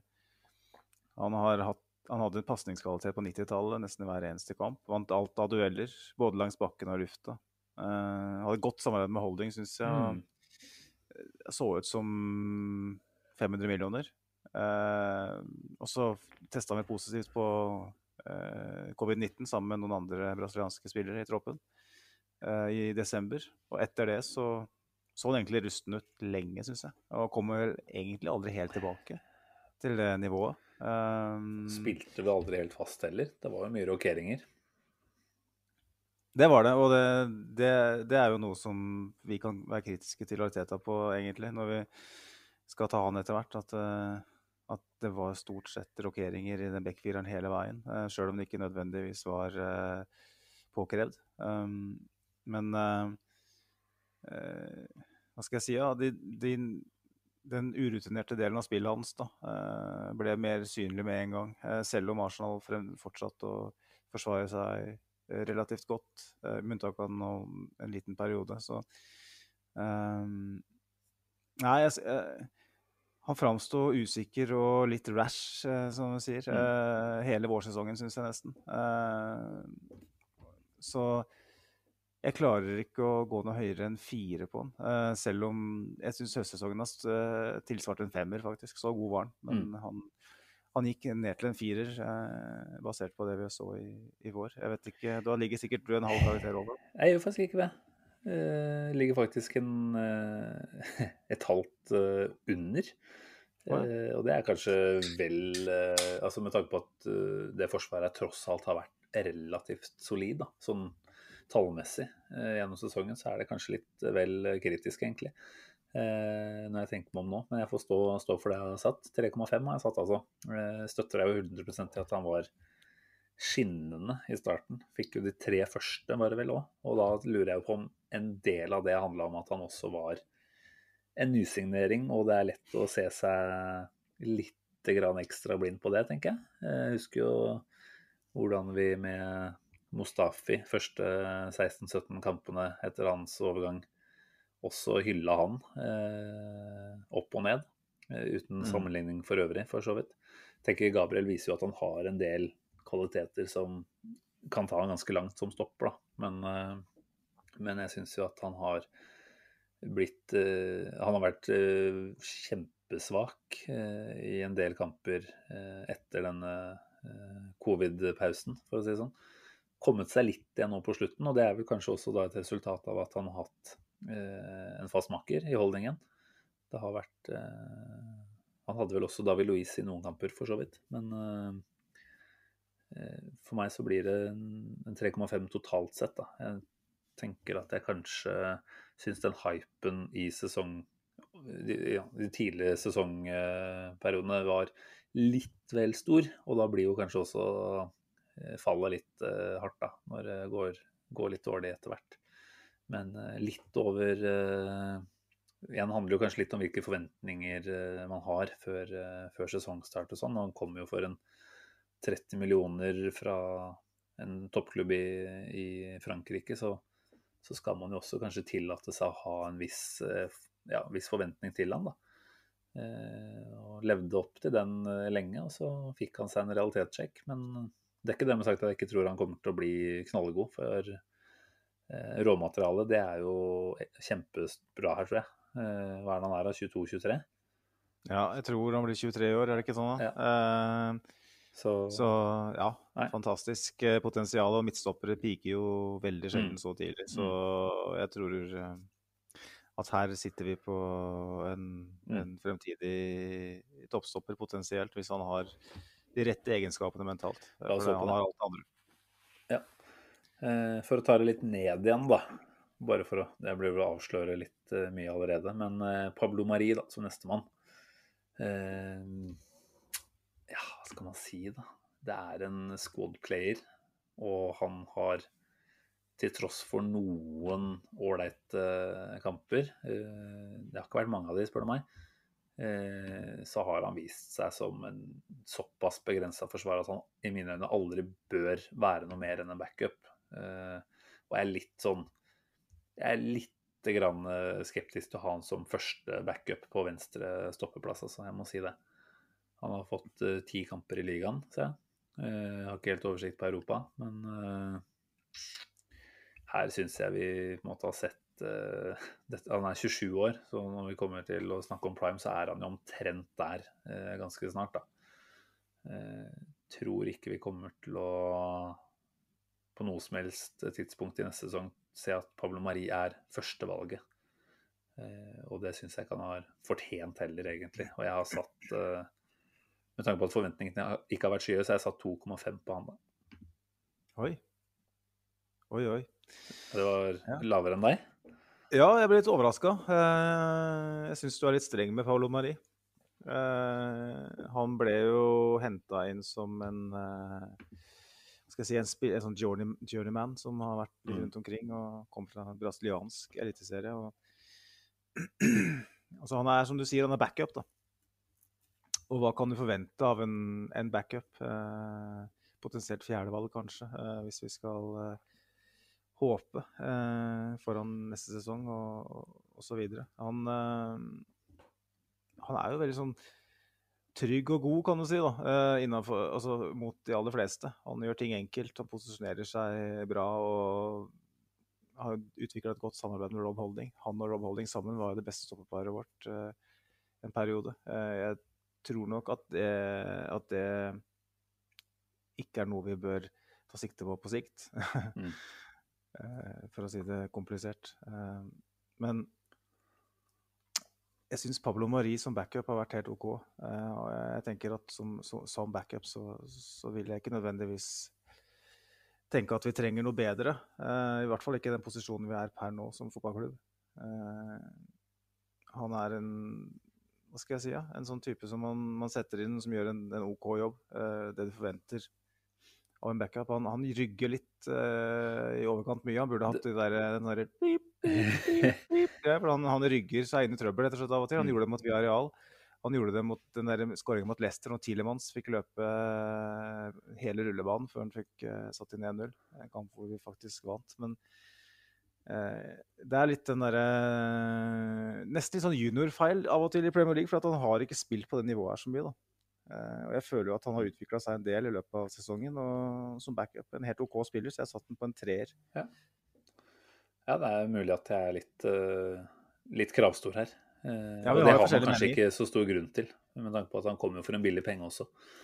Men uh, for meg så er det en følelse av at det er, det er såpass store begrensninger her. Da. Og jeg syns han har Han har sikkert vært en trygg og grei løsning til tider, men ja, for meg så handler det kanskje om at han ikke har blitt satt på de der store, store prøvene og, og måtte tatt og vist seg fra bravur i, i noen av de, da.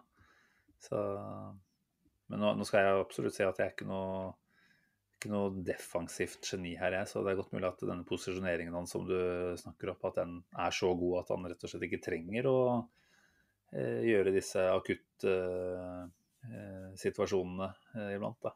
At han eh, er en, eh, en eh, spiller som, som unngår eh, de store hendelsene, rett og slett. Mm.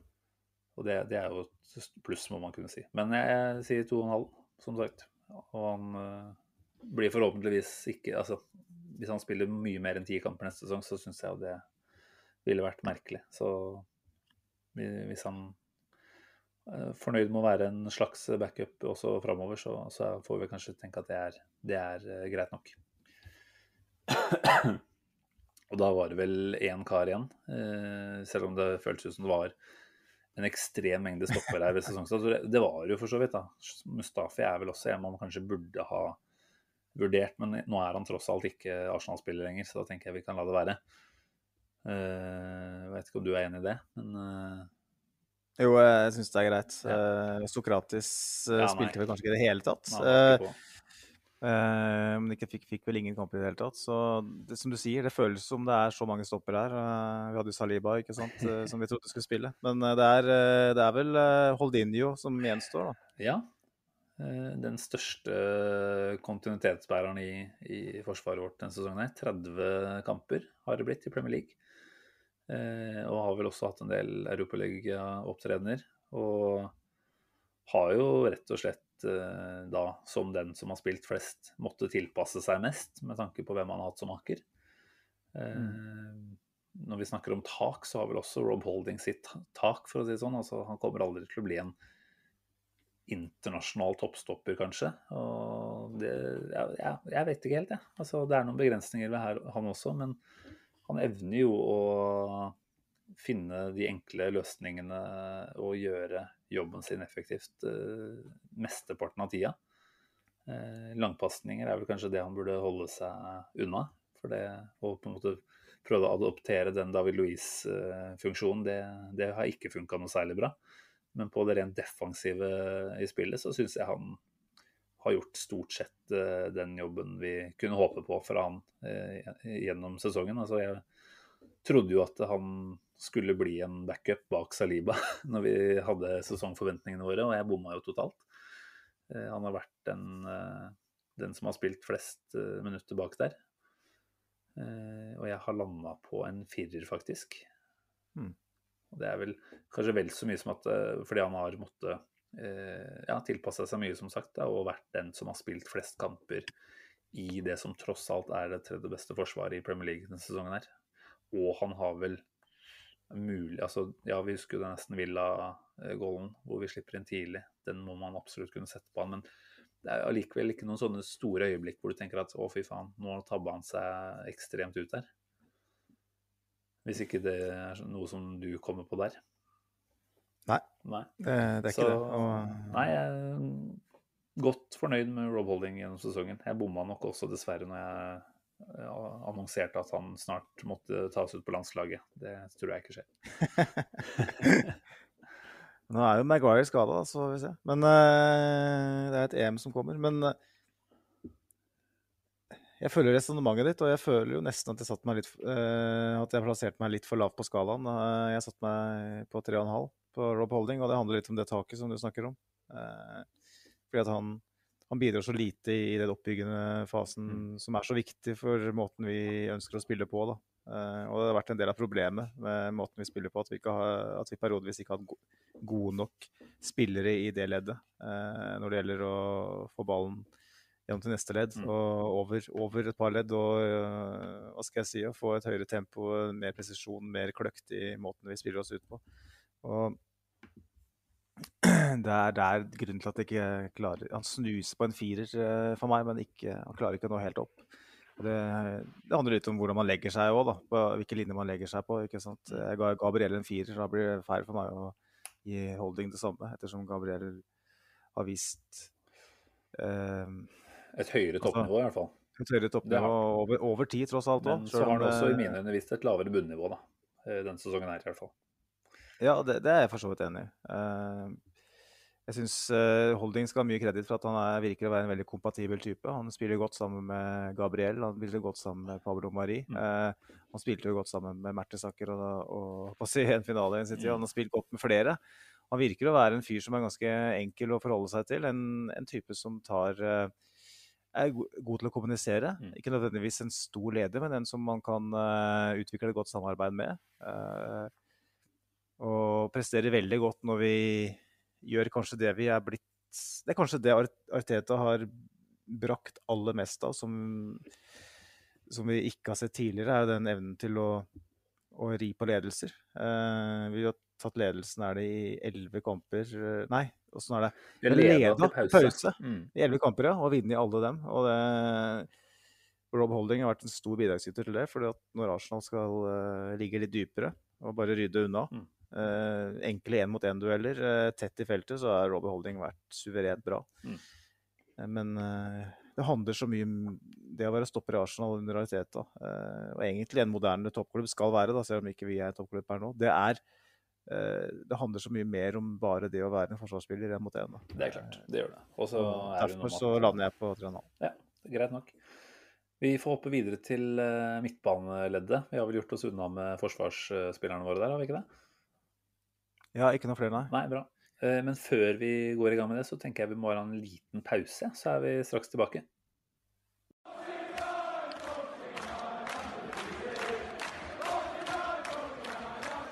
Wall Trafford 24.10.2004. Arsenal ranes på høylys dag og går glipp av muligheten for ligakamp nummer 50 på rad uten tap. I tunnelen etter kamp går det hardt for seg, og et spansk supertalent tar på seg jobben som pizzabud og serverer en feit slice i fjeset på den legendariske manageren. God pizza kan serveres på flere måter. Vi i Arsenal Station foretrekker å få den levert rykende fersk på døra fra Dominos. For hva er vel bedre enn å slå seg ned i sofaen med Arsenal-kamp og en deilig pizza med mengder av fyll og ost? Bestill din favoritt på dominos.no.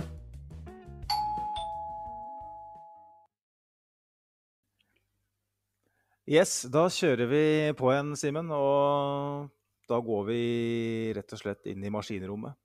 Toeren på midten, eh, som vi gjerne spiller med. Eh, og Der har vi ikke hatt så veldig mange egentlig i løpet av sesongen, men eh, vi kan starte med en som vi vel ikke kommer til å se igjen eh, i Arsenal. Det er Dani Ceballos. Og det er helt greit, må jeg vel kunne tillegge der. Ja. Eh, vi var ganske happy, egentlig mm. alle, tror jeg, når han ble resignert i, i fjor sommer. Fordi at han hadde en veldig sterk avslutning på fjorårssesongen. Bidro med ganske mye mer enn det å være en, eh, en ballspiller. Også han var, hadde gode defensive tall, eh, pressa godt og var en viktig spiller sammen med Sjaka på midten der. Men denne sesongen her så har han falt fullstendig mm. gjennom. Ja, det er fascinerende, det nesten, altså. Eh, altså. Han har bare vist seg å være helt ute av takt, og det har vært vondt å se på han til tider. Vi har jo snakka om det at uh, det har vært Altså for, for, en som på en måte du tenker skal være en spansk maestro, da, og har sett på berøringene hans i en del av de kampene, det, det har vært nesten uforklarlig dårlig. Og du lurer litt på hva en uh, Mikkel Arteta, på en måte, altså som selv har vært nummer åtte i Arsenal og sentral midtbanespiller uh, Det ville vært naturlig å tro at han kanskje skulle nå skikkelig inn til Dani Ceballos. da. Uh, det har jo tydeligvis ikke skjedd. om det handler om at Ceballos har hatt hodet sitt litt et annet sted òg, kanskje. hvis han etter hvert ganske tidlig fikk en følelse av at Arsenal har ikke noen store planer om å satse på meg. Eh, han slår meg kanskje som en type som eh, trenger å føle seg litt elsket av både trener og klubben han er i. Og når han merka vel at dette her ikke er eh, Det er ikke noen framtidsutsikt her, da. Da kan det hende at han har blitt prega av det. Jeg bare ser på tallene hans i ligaen. Han har jo starta 17 kamper, faktisk. Kommet inn i åtte. Så han har jo vært på banen i over, godt over halvparten av kampene. Og mm. på det så har han jo fått tre målgivende. Eh, tidvis en, noen ålreite nøkkelpasninger eh, som også på en måte har vært med å åpne opp eh, forsvar. Men han har jo vært skikkelig, skikkelig svak, er vel det jeg sitter igjen med som hovedinntrykket. Ja. Og da, ikke, ikke, for å snakke om et par av de blunderne han har gjort i, i Europaligaen. Han gjorde jo nesten alt han kunne for å få oss ut der en periode. Ja, det var eh, ganske fascinerende. Eh, jeg vet ikke eh, helt hva som foregikk i skolten på den da, men for å ta de tallene du er inne på enda et hakk lenger, da, så han har vært på banen i 40 kamper for Arsenal denne sesongen her, i alle turneringer. Og han har da, som du sier, tre målgivende. Det kom alle i ligaen.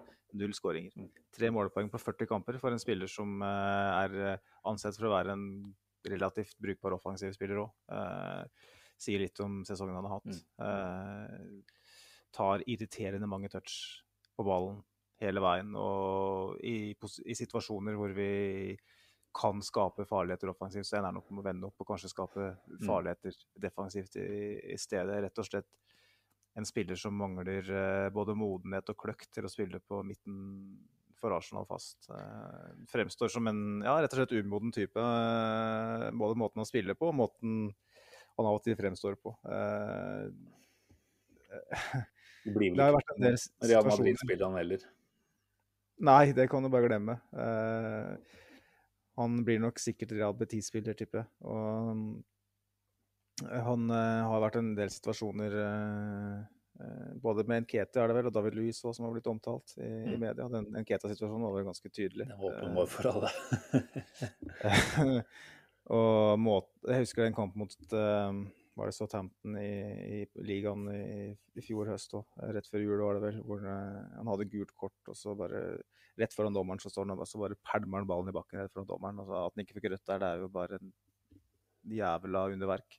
Og det er sånn der, i situasjoner hvor du tenker bare Hvor er du? Hvilken planet er du på? Og det har vært en del sånne greier da med han. Han virker ikke, han virker ikke å være Ikke å ha mentaliteten og personligheten til å spille for en storklubb, ja, rett og slett. Og ja, jeg vet ikke hvor du har landa på karakterskalaen. Nei, jeg uh, trilla toer, jeg. Ren toer.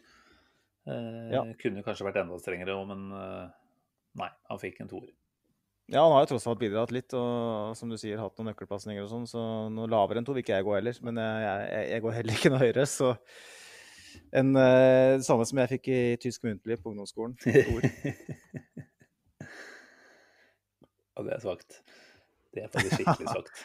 Ja, men det er det eneste toeren jeg fikk. Da. Men uh, det var bare det at jeg hadde en, en lærer som uh, uh, var mer opptatt av å snakke om tysk fotball enn om tysk språk. Så da, da, gikk det som det måtte gå. Kjeften full av bratwurst, vet du. Da blir det vanskelig å prate. Og dum nok til å si at jeg hadde Hansa Rostock som andre, var, andre lag. Og da, da gikk det den, den veien. Greit. Men neste da? El Neni skal vi ta bare for å liksom bygge oss opp til et lite klimaks på disse sentrale. Da er det vel El Neni som den litt grå musen som kanskje er det naturlige neste steget. Eh, har jeg faktisk Jeg må bare ta og plukke fram eh, tallet hans her. For det, det, har jo blitt mer spilletid på han enn noen hadde regna med, vil jeg tro, før sesongen. Eh, mm. Henta tilbake fra lån. Eh, ender jo opp med å da ha 17 kamper fra start i ligaen. Kommer inn eh, på fire. Og er jo ganske konstant i Europaligaen òg, vel. Skårer én gang i, i ligaen, to ganger i Europaligaen, eller? Tja, én, kanskje? Ja, det, det kan stemme. Er, alt er druser, i hvert fall. Ja, han har lært seg å skyte, så det er vel Steve Round, er det ikke det, som skal ha æren for det. Eh, og vi husker jo alle denne bortekampen mot United. Det er liksom det første som står ut for meg, altså hvordan han og Partey eh, herja eh, på midten der, og hvordan Elneni tok disse pressene helt fram til kampslutt eh, og sørga for et innkast, husker jeg der. Ikke sant? Det, det er jo en sånn signalspiller, kan du si, da, eh, som også jo har sine klare begrensninger. Men eh, i forhold til den jobben han på en måte både var forventa å gjøre, og også på en måte har hatt rollen som han skal utføre i kamp, så må jeg jo si at han har vært en positiv overraskelse, faktisk. Eh, altså Vi vet jo alle altså Det å forvente at han skulle komme inn og revolusjonere spillet vårt, det ville jo vært idiotisk. Men eh, når måte klubben har vært i den situasjonen at man har trengt han eh, såpass mye som han har, da, så syns jeg at Elneni har eh, ja, vært eh, ålreit. Eh, mulig igjen at jeg lar meg farge litt av hans eh, gode lynne og hyggelige tryne. Men eh, bare for å si det med en gang da, jeg har eh, gitt han faktisk eh, Det er mulig at det er litt høyt. Tre og en halv. Mm. Da er vi Igjen så ligger jeg da 0,5 under deg, da. Ja. Eh, men jeg er for så vidt enig i det meste du sier. Han er jo en eh, økonomisk spiller som eh, gjør ting enkelt, og av og til altfor enkelt.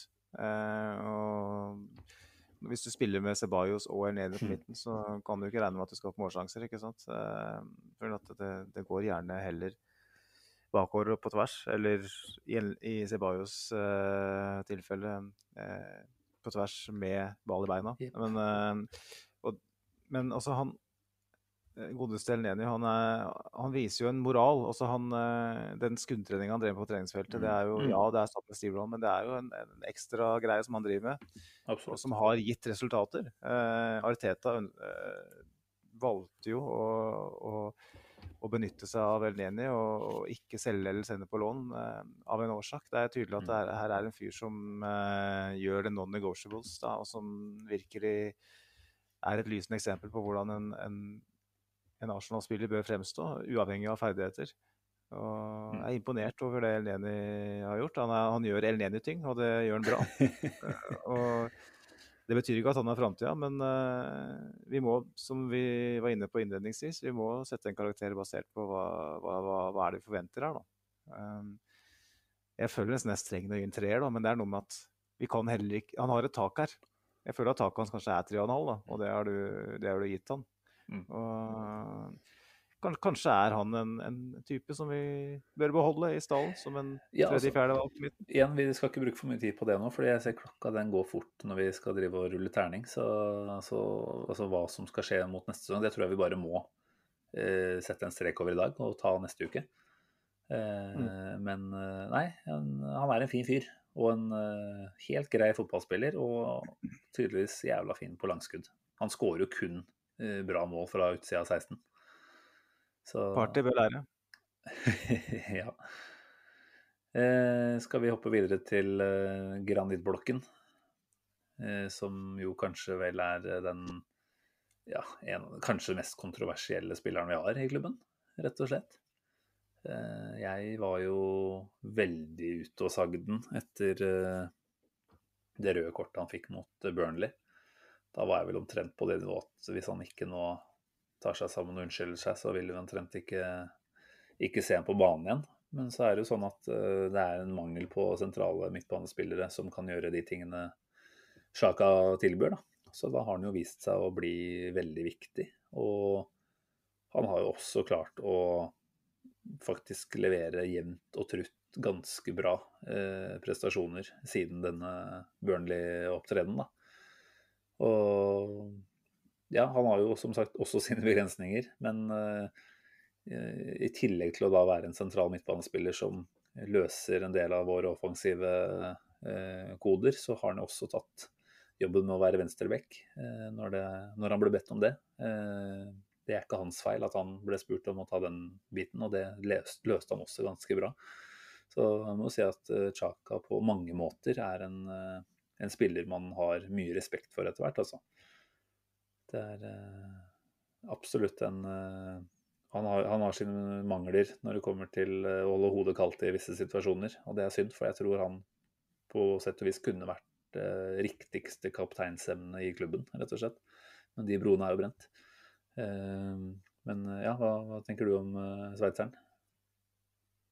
Nei, altså Han er jo kanskje Artetas fremste premissleverandør. Eh, en som uavhengig av eh, posisjonen han spiller i, uavhengig av hvor mye han spiller, vil alltid gå på banen og i 100 selv om av og til koker over og, og blir gjort ting som er veldig ødeleggende både for han og, og, og klubben. Men eh, etter den situasjonen mot, mot Burnley, så har han jo vært kanskje den beste spilleren vår. Eh, I hvert fall den mest stabile mm. spilleren vår. Det har vel Ariteta, Så langt har vel Ariteta gått i å omtale nå som den viktigste spilleren. Han har en pasningsprosent i Premier League på 90,2 eh, sjøl om han slår man, ganske mange pasninger i lengderetningen. Mange spillvridninger. Eh, det er den beste prosenten vi har. Han snitter på 70 pasninger per match, mm. sjøl om han av og til både spiller venstreback og med forskjellige partnere og, og, i veldig forskjellige kampforløp. Eh, og periodevis så ser vi rådville ut uten han. Eh, jeg syns vi kanskje har hatt en liten progresjon helt på slutten av sesongen. Mm. Uten Sjaka på midten, men periodevis i løpet av sesongen så syns i de kampene Sjaka ikke har vært med, så, så ser du ja, ja. At, vi, at, vi, sliter veldig. Så jeg er veldig, veldig jeg er veldig fornøyd Nei, ikke ja, veldig imponert er vel heller ordet jeg skal si. Uh, fornøyd, det er vel egentlig Hvor fornøyd er du, da? Eh, når du skal gi han en karakter? Nei, så jeg legger meg generelt ganske lavt uh, denne sesongen her, selvfølgelig. Ja. Og derfor så er en firer en veldig god karakter, ja. og det får han av meg. Ja, det er akkurat der jeg landa også. Og syns kanskje at jeg var litt snill, men når jeg tenker meg om, så er det en, en riktig anerkjennelse, tenker jeg, av den totalt sett den jobben han har gjort. Altså, han, var, han, var, grei før, uh, før, han ble satt uh, ut i Det var vel tre kamper han fikk utstengelse på etter Burnley. Men når han kom tilbake derfra, så var han, da var han god, rett og slett. Så fortjent firer. Og det blir spennende å se hva han finner på videre nå. Om han uh, tenker at Arsenal er stedet å være. Men igjen, nå glemmer jeg meg. Det var ikke det vi skulle snakke om. Så da tenker jeg at uh, vi må være litt uh, ærlige her, rett og slett, med Thomas Partei, som jo forventningene var ganske høye til før uh, sesongen. skal sies til hans forsvar at han kom jo ikke før helt på slutten av august-vinduet, og det var vel etter Det var vel oktober-vinduet, var det ikke det? Ja, det var det også, selvfølgelig. Så, så, at han ikke var en del av laget de første fire-fem kampene i hvert fall. Eh, og med en sånn sett ganske begrensa og ikke i hvert fall optimal eh, preseason, eh, så er det vel sånn sett kanskje litt vanskelig å vite helt hva man kan forvente. da. Men når du henter en fra Atletico Madrid til 50 millioner, og vi jeg husker jo fortsatt hva Veland sa, at det er en fyr som minner om vi eier av dette her. Det er vanskelig å ikke få forventningene opp i ja, i hvert fall ikke så langt unna skyene. Så er det en kombinasjon av eh, skadeproblematikk, eh, som jo eh, også klubben må ta sin del av skylda for. Og så har det vært noen fantastiske kamper, og så har det vært en del ganske svakt, faktisk. Eh, mye, mye, opp og ned. Eh, god igjen i, i, dag, for så vidt, mot Brighton, syns jeg. Men eh, han har hatt et par opptredener hvor ingenting har fungert. Og han spiller jo tidvis på ganske små marginer, som gjør at når han mm. eh, lar presset på en måte komme på seg og drar seg ut av de situasjonene, så, så ser det jo helt magisk ut. Da er vi på Vieira-nivå. Eh, så hadde han en periode hvor det veldig sjelden funka. Og han mista ball og mista ball i farlige posisjoner. Eh, så, så, det er klart her, ut ifra forventningene, så, så må jeg jo si at han har totalt sett skuffa meg, da, eh, lite grann. Men uh, at han i et uh, velfungerende lag med en god preseason kommer til å bli veldig mye bedre, det er jeg ikke i tvil om. Nei, det får vi i hvert fall håpe på. Uh, før sesongen så, så skrek vi rett og slett etter en, en, en, spiller som kunne ta med seg ballen gjennom ledd og skape overtall. Og vi så jo på tallene veldig nøye eh, når vi drev med den overgangsspalten og sånn i fjor sommer. Eh, podcasten her. Og Thomas Partey hadde jo tall som få matcher i mm. europeisk fotball. Han hadde jo I Atletico Madrid så hadde han vel to vellykka driblingsforsøk per 90 minutter. Og en suksessrate på eh, godt over 80% I Arsenal så har han eh, nesten halvert eh, antall driblinger per 90 eh, minutter til 1,2 per 90. Eh, og det sier jo litt om uh, hva vi forventa og hva vi ikke har fått. ja.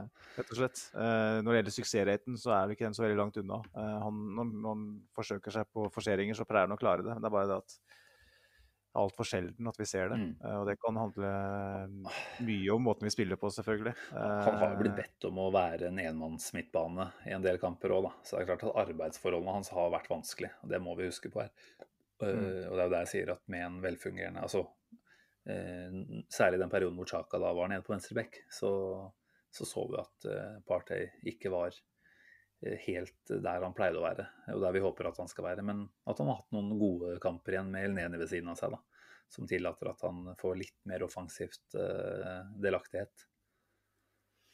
Det er liksom litt hva, hva han skal være i det laget her. da. Ja. Og, uh, jeg syns han har sett litt sånn rådvill ut til tider og har ikke helt funnet plassen sin i laget, rett og slett. Uh, har ikke helt funnet ut av rollen sin. Uh, og da var det den hunden Det var bikkja mi som jeg tror, jeg tror bikkja griner bak her. Jeg vet ikke hva samboer holder på med. jeg hadde så høye forventninger hadde jeg ikke til Party at jeg gråter, men uh, uh, Jeg har lagt meg lavt på skalaen, det må jeg si. Ja.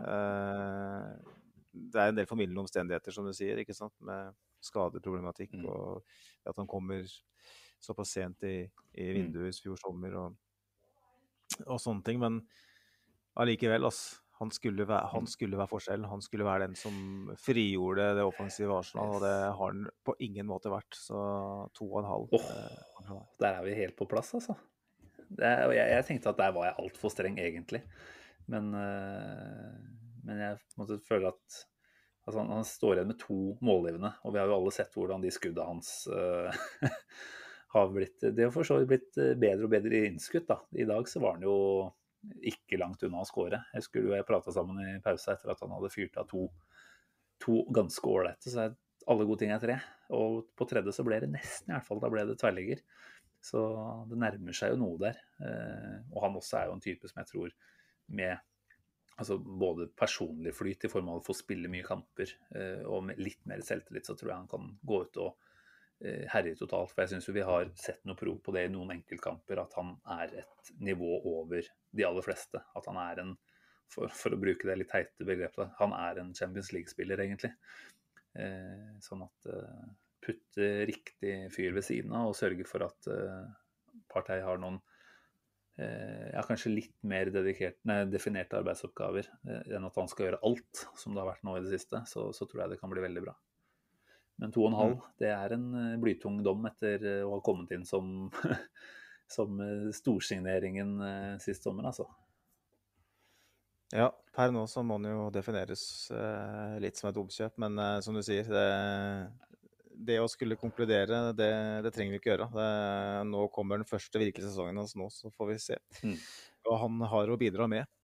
Vi hopper videre til eh, de mer offensivt anlagte midtbanespillerne. Da. Der har det jo vært eh, mange spennende innslag i år. Eh, og hvor skal vi starte, egentlig? Er det jeg som får velge, eller? Ja, vær så god. Det gir deg full anledning her. Jeg har lyst til å bare nesten Altså, det er veldig enten-eller. Enten så starter vi på bånn og vi bøyer oss oppover, eller så tar vi og ja, prater om det som kanskje har vært eh, sesongens to store plusser, rett og slett. da eh, Smith-Roe-saka. Men kanskje for å ta dramaturgien eh, på riktig måte, så begynner vi på, på William. kommer inn med ja. forventninger, må man kunne ja. si, med tanke på at han har prestert i Chelsea over tid. Prestert og prestert, men i hvert fall vært en ganske habil Premier League-spiller i en Champions League-klubb. Eh, får en saftig lønningspose. Får en Hva fader ble det? Det var treårskontrakt, var det ikke det?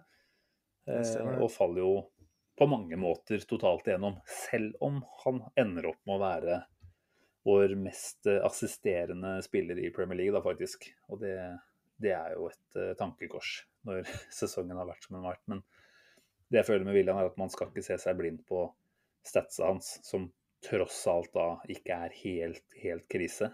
Én scoring har det blitt. Uh, fem eller seks målgivende. Men uh, at det først og fremst handler om den negative innvirkningen han har vært på det offensive spillet vårt som helhet.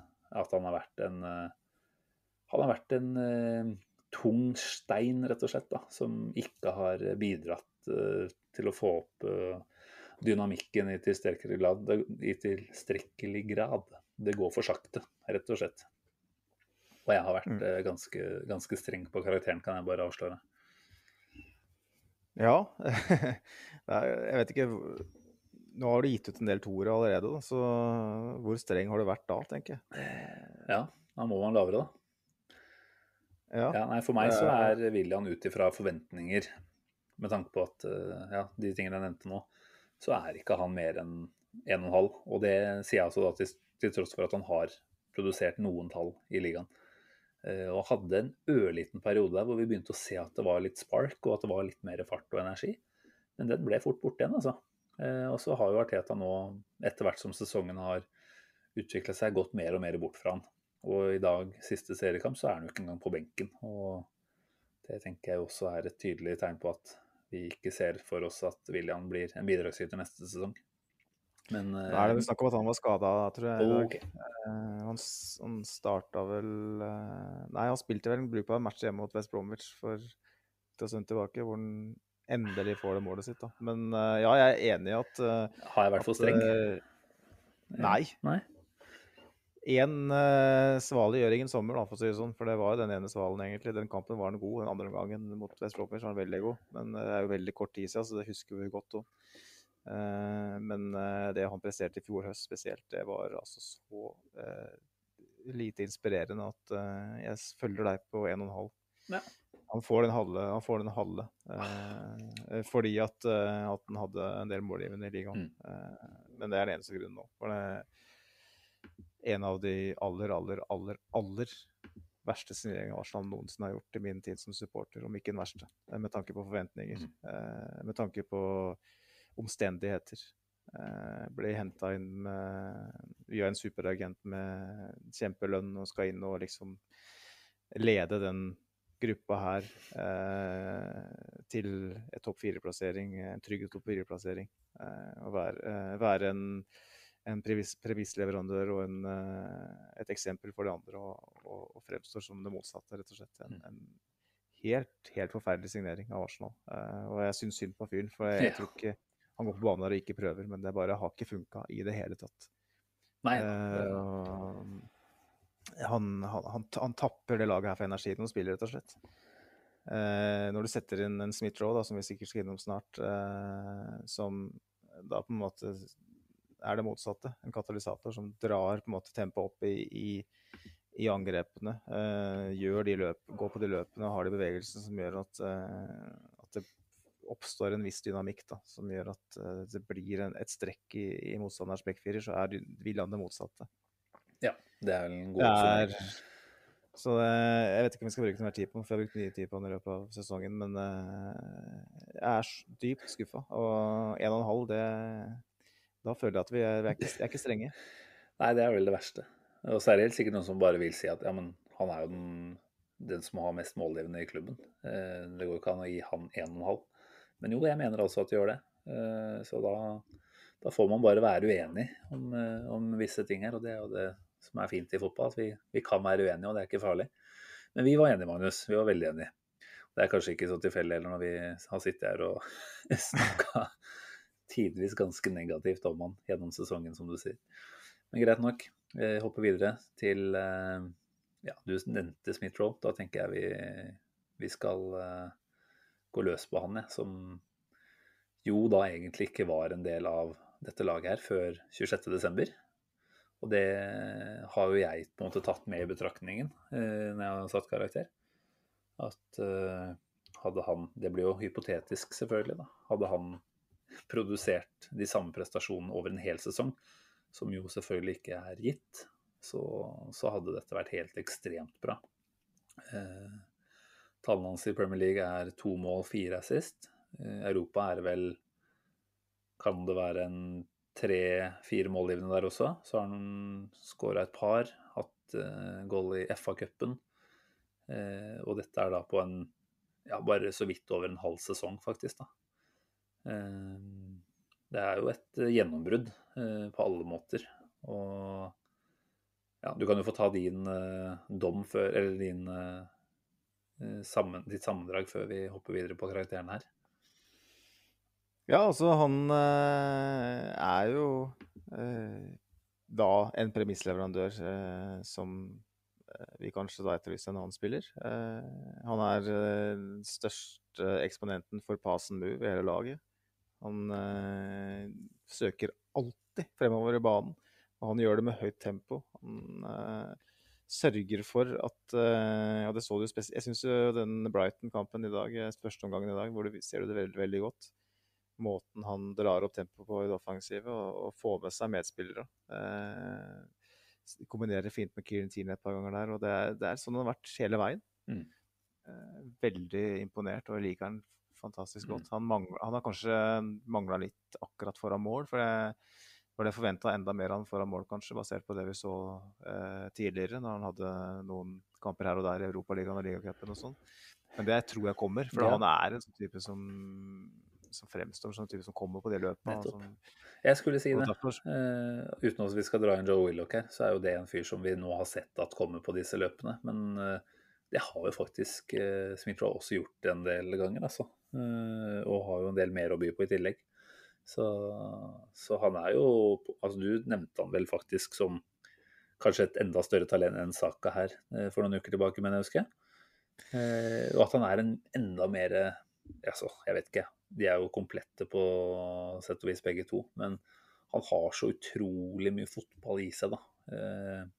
Og det er kanskje det med mye av det han gjør uten ball, som er det aller mest imponerende i forhold til hvilke bevegelser han foretar seg, og hvordan han sørger for at også medspillerne blir gode, da, rett og slett.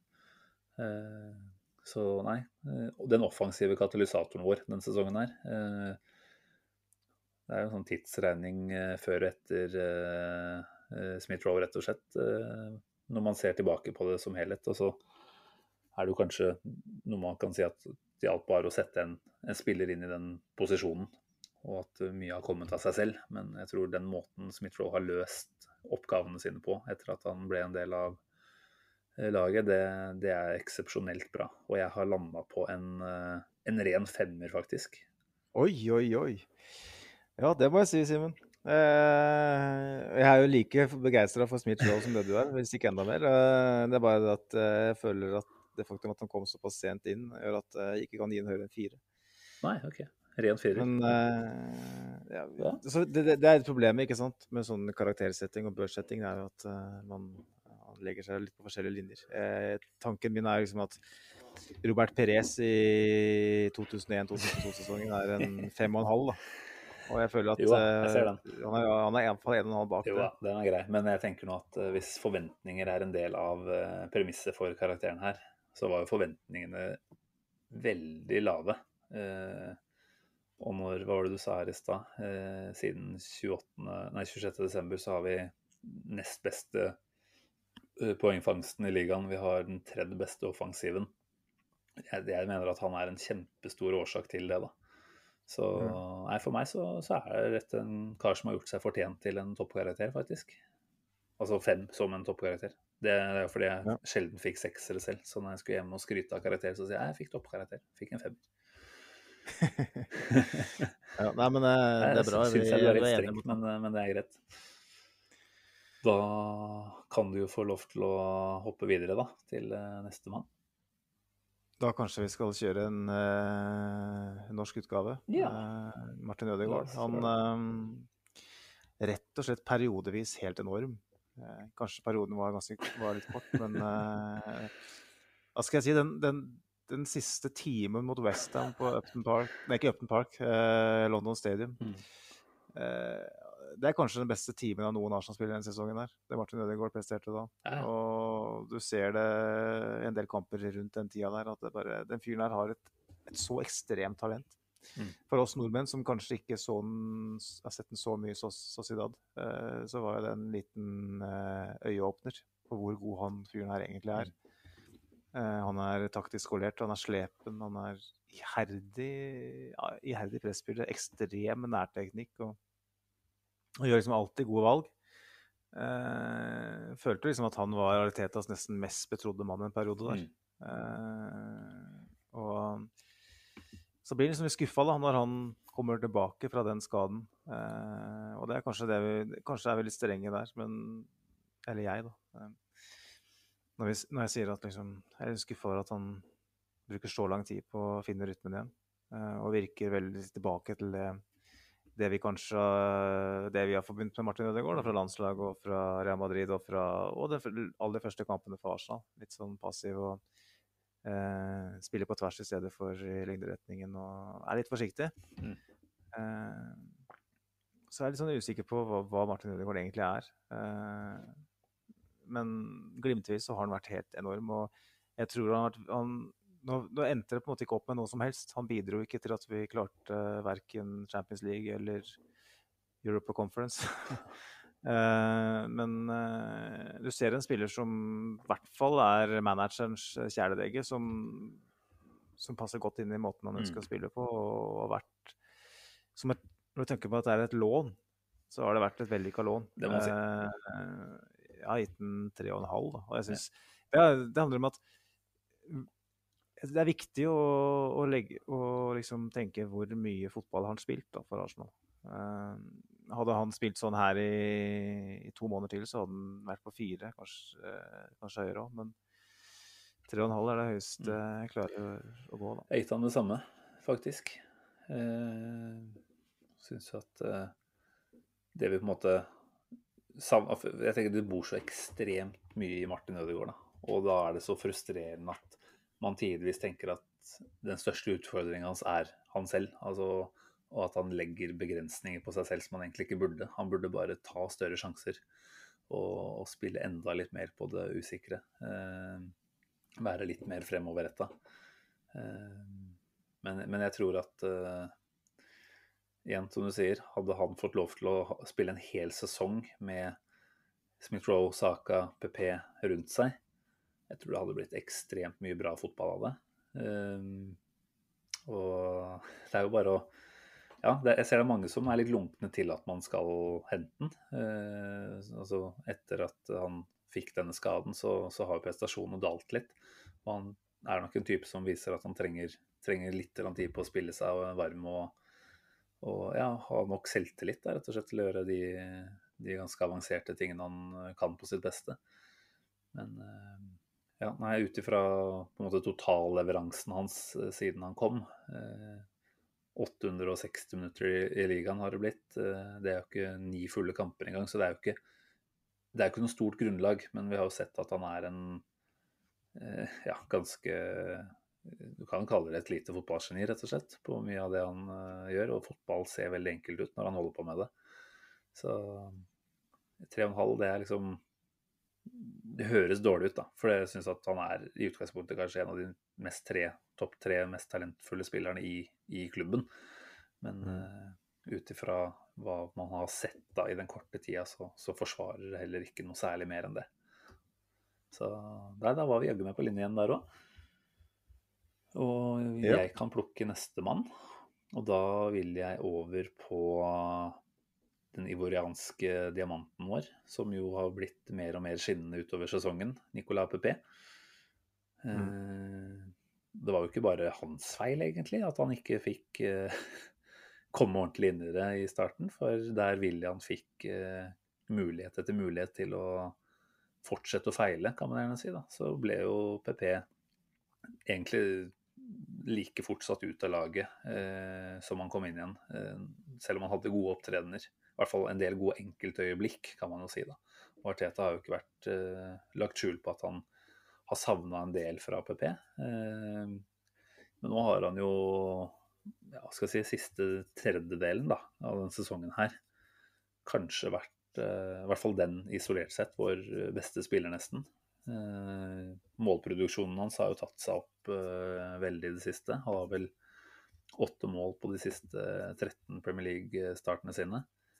Eh, Landa vel nå på ti ligaskåringer totalt. Eh, I Europaligaen så, så har han jo vært eh, kanskje den beste spilleren, faktisk. Eh, du har vel kanskje tallene der, men eh, at han kan det stemme har skåret en fem-seks eh, skåringer der også?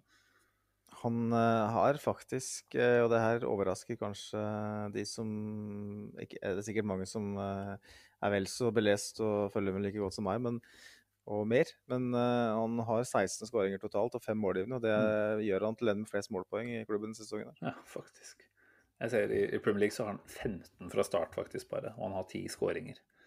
Eh, så kan du si at han er en type som kanskje også man forventer at kan være en impact sub, da. Og sånn sett så blir ikke tallene så fantastiske. Men eh, ah, Nei, jeg tenker jo at eh, for 70 millioner og alt dette her, så, så er fortsatt dette her bare det man burde kunne forvente. Men det er noe med den progresjonen man har sett nå, da. Og jeg syns, må jeg si, at det har vært en urettferdig behandling av han. Eh, særlig når man sammenligner med visse andre.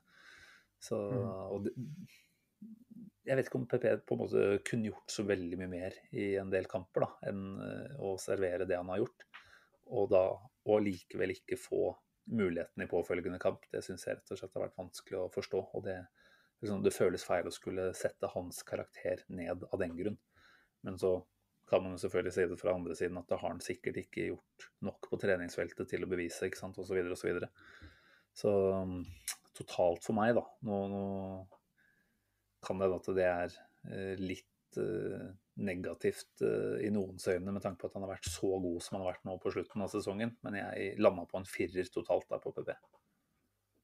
Ja, da er vi jaggu meg på linje igjen, altså, Simen. dette var kjedelig. Eh, det var kjedelig, men eh,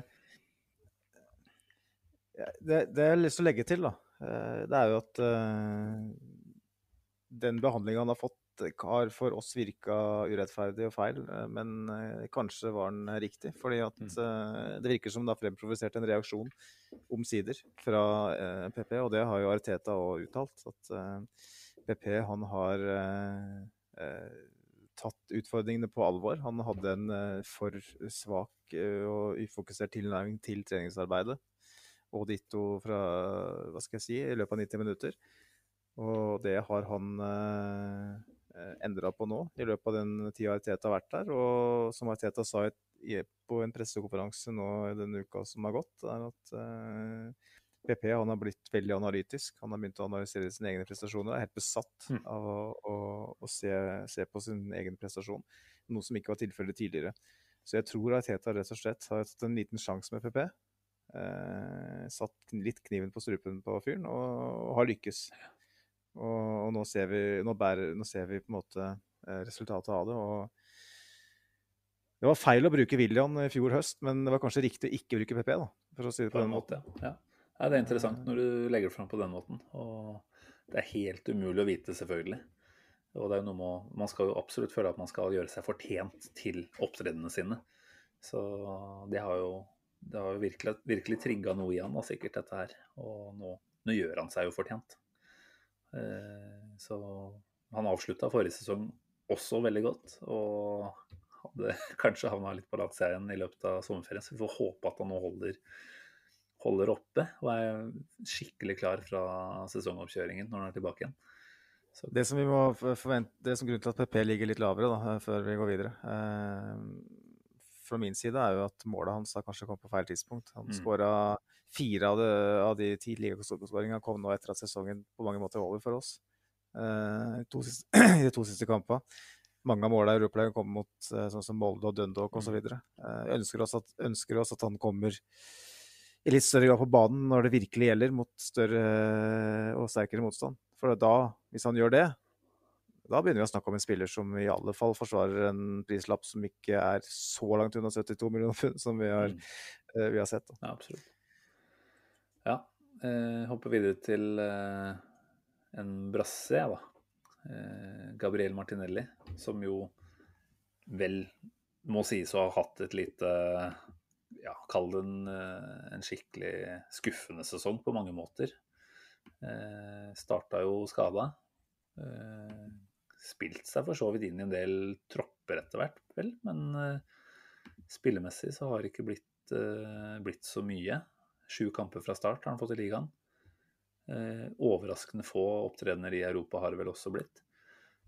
Eh, Ut ifra forrige sesong så forventa man jo kanskje at han skulle ta det et lite skritt videre i år, eh, i utgangspunktet. Men det er klart med denne skaden så, så ville det jo også være urealistisk å forvente at tallene ble så høye. Eh, Men når han måte tross alt kom tilbake fra skade og virka å være i loopen til Arteta, da, at han har blitt brukt så lite, det er jo kanskje der mye av eh, problemet starter. Når han først har vært på, kommet inn som innbytter, så har han jo stort sett gjort veldig mye riktig.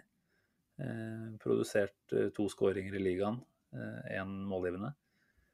Eh, syns jo at han fortsatt er en av de på en måte som, som tilfører mest energi og eh, vilje, da, den innstillinga vi ønsker fra en offensiv spiller. Gå rett på, eh, utfordre ja, gjerne fra venstre kant. Det er jo kanskje der han har vært best. Eh, når han har blitt brukt som, eh, som en slags spissløsning. Det er jo ikke mange ganger, men da, da har han kanskje falt litt igjennom igjen. da.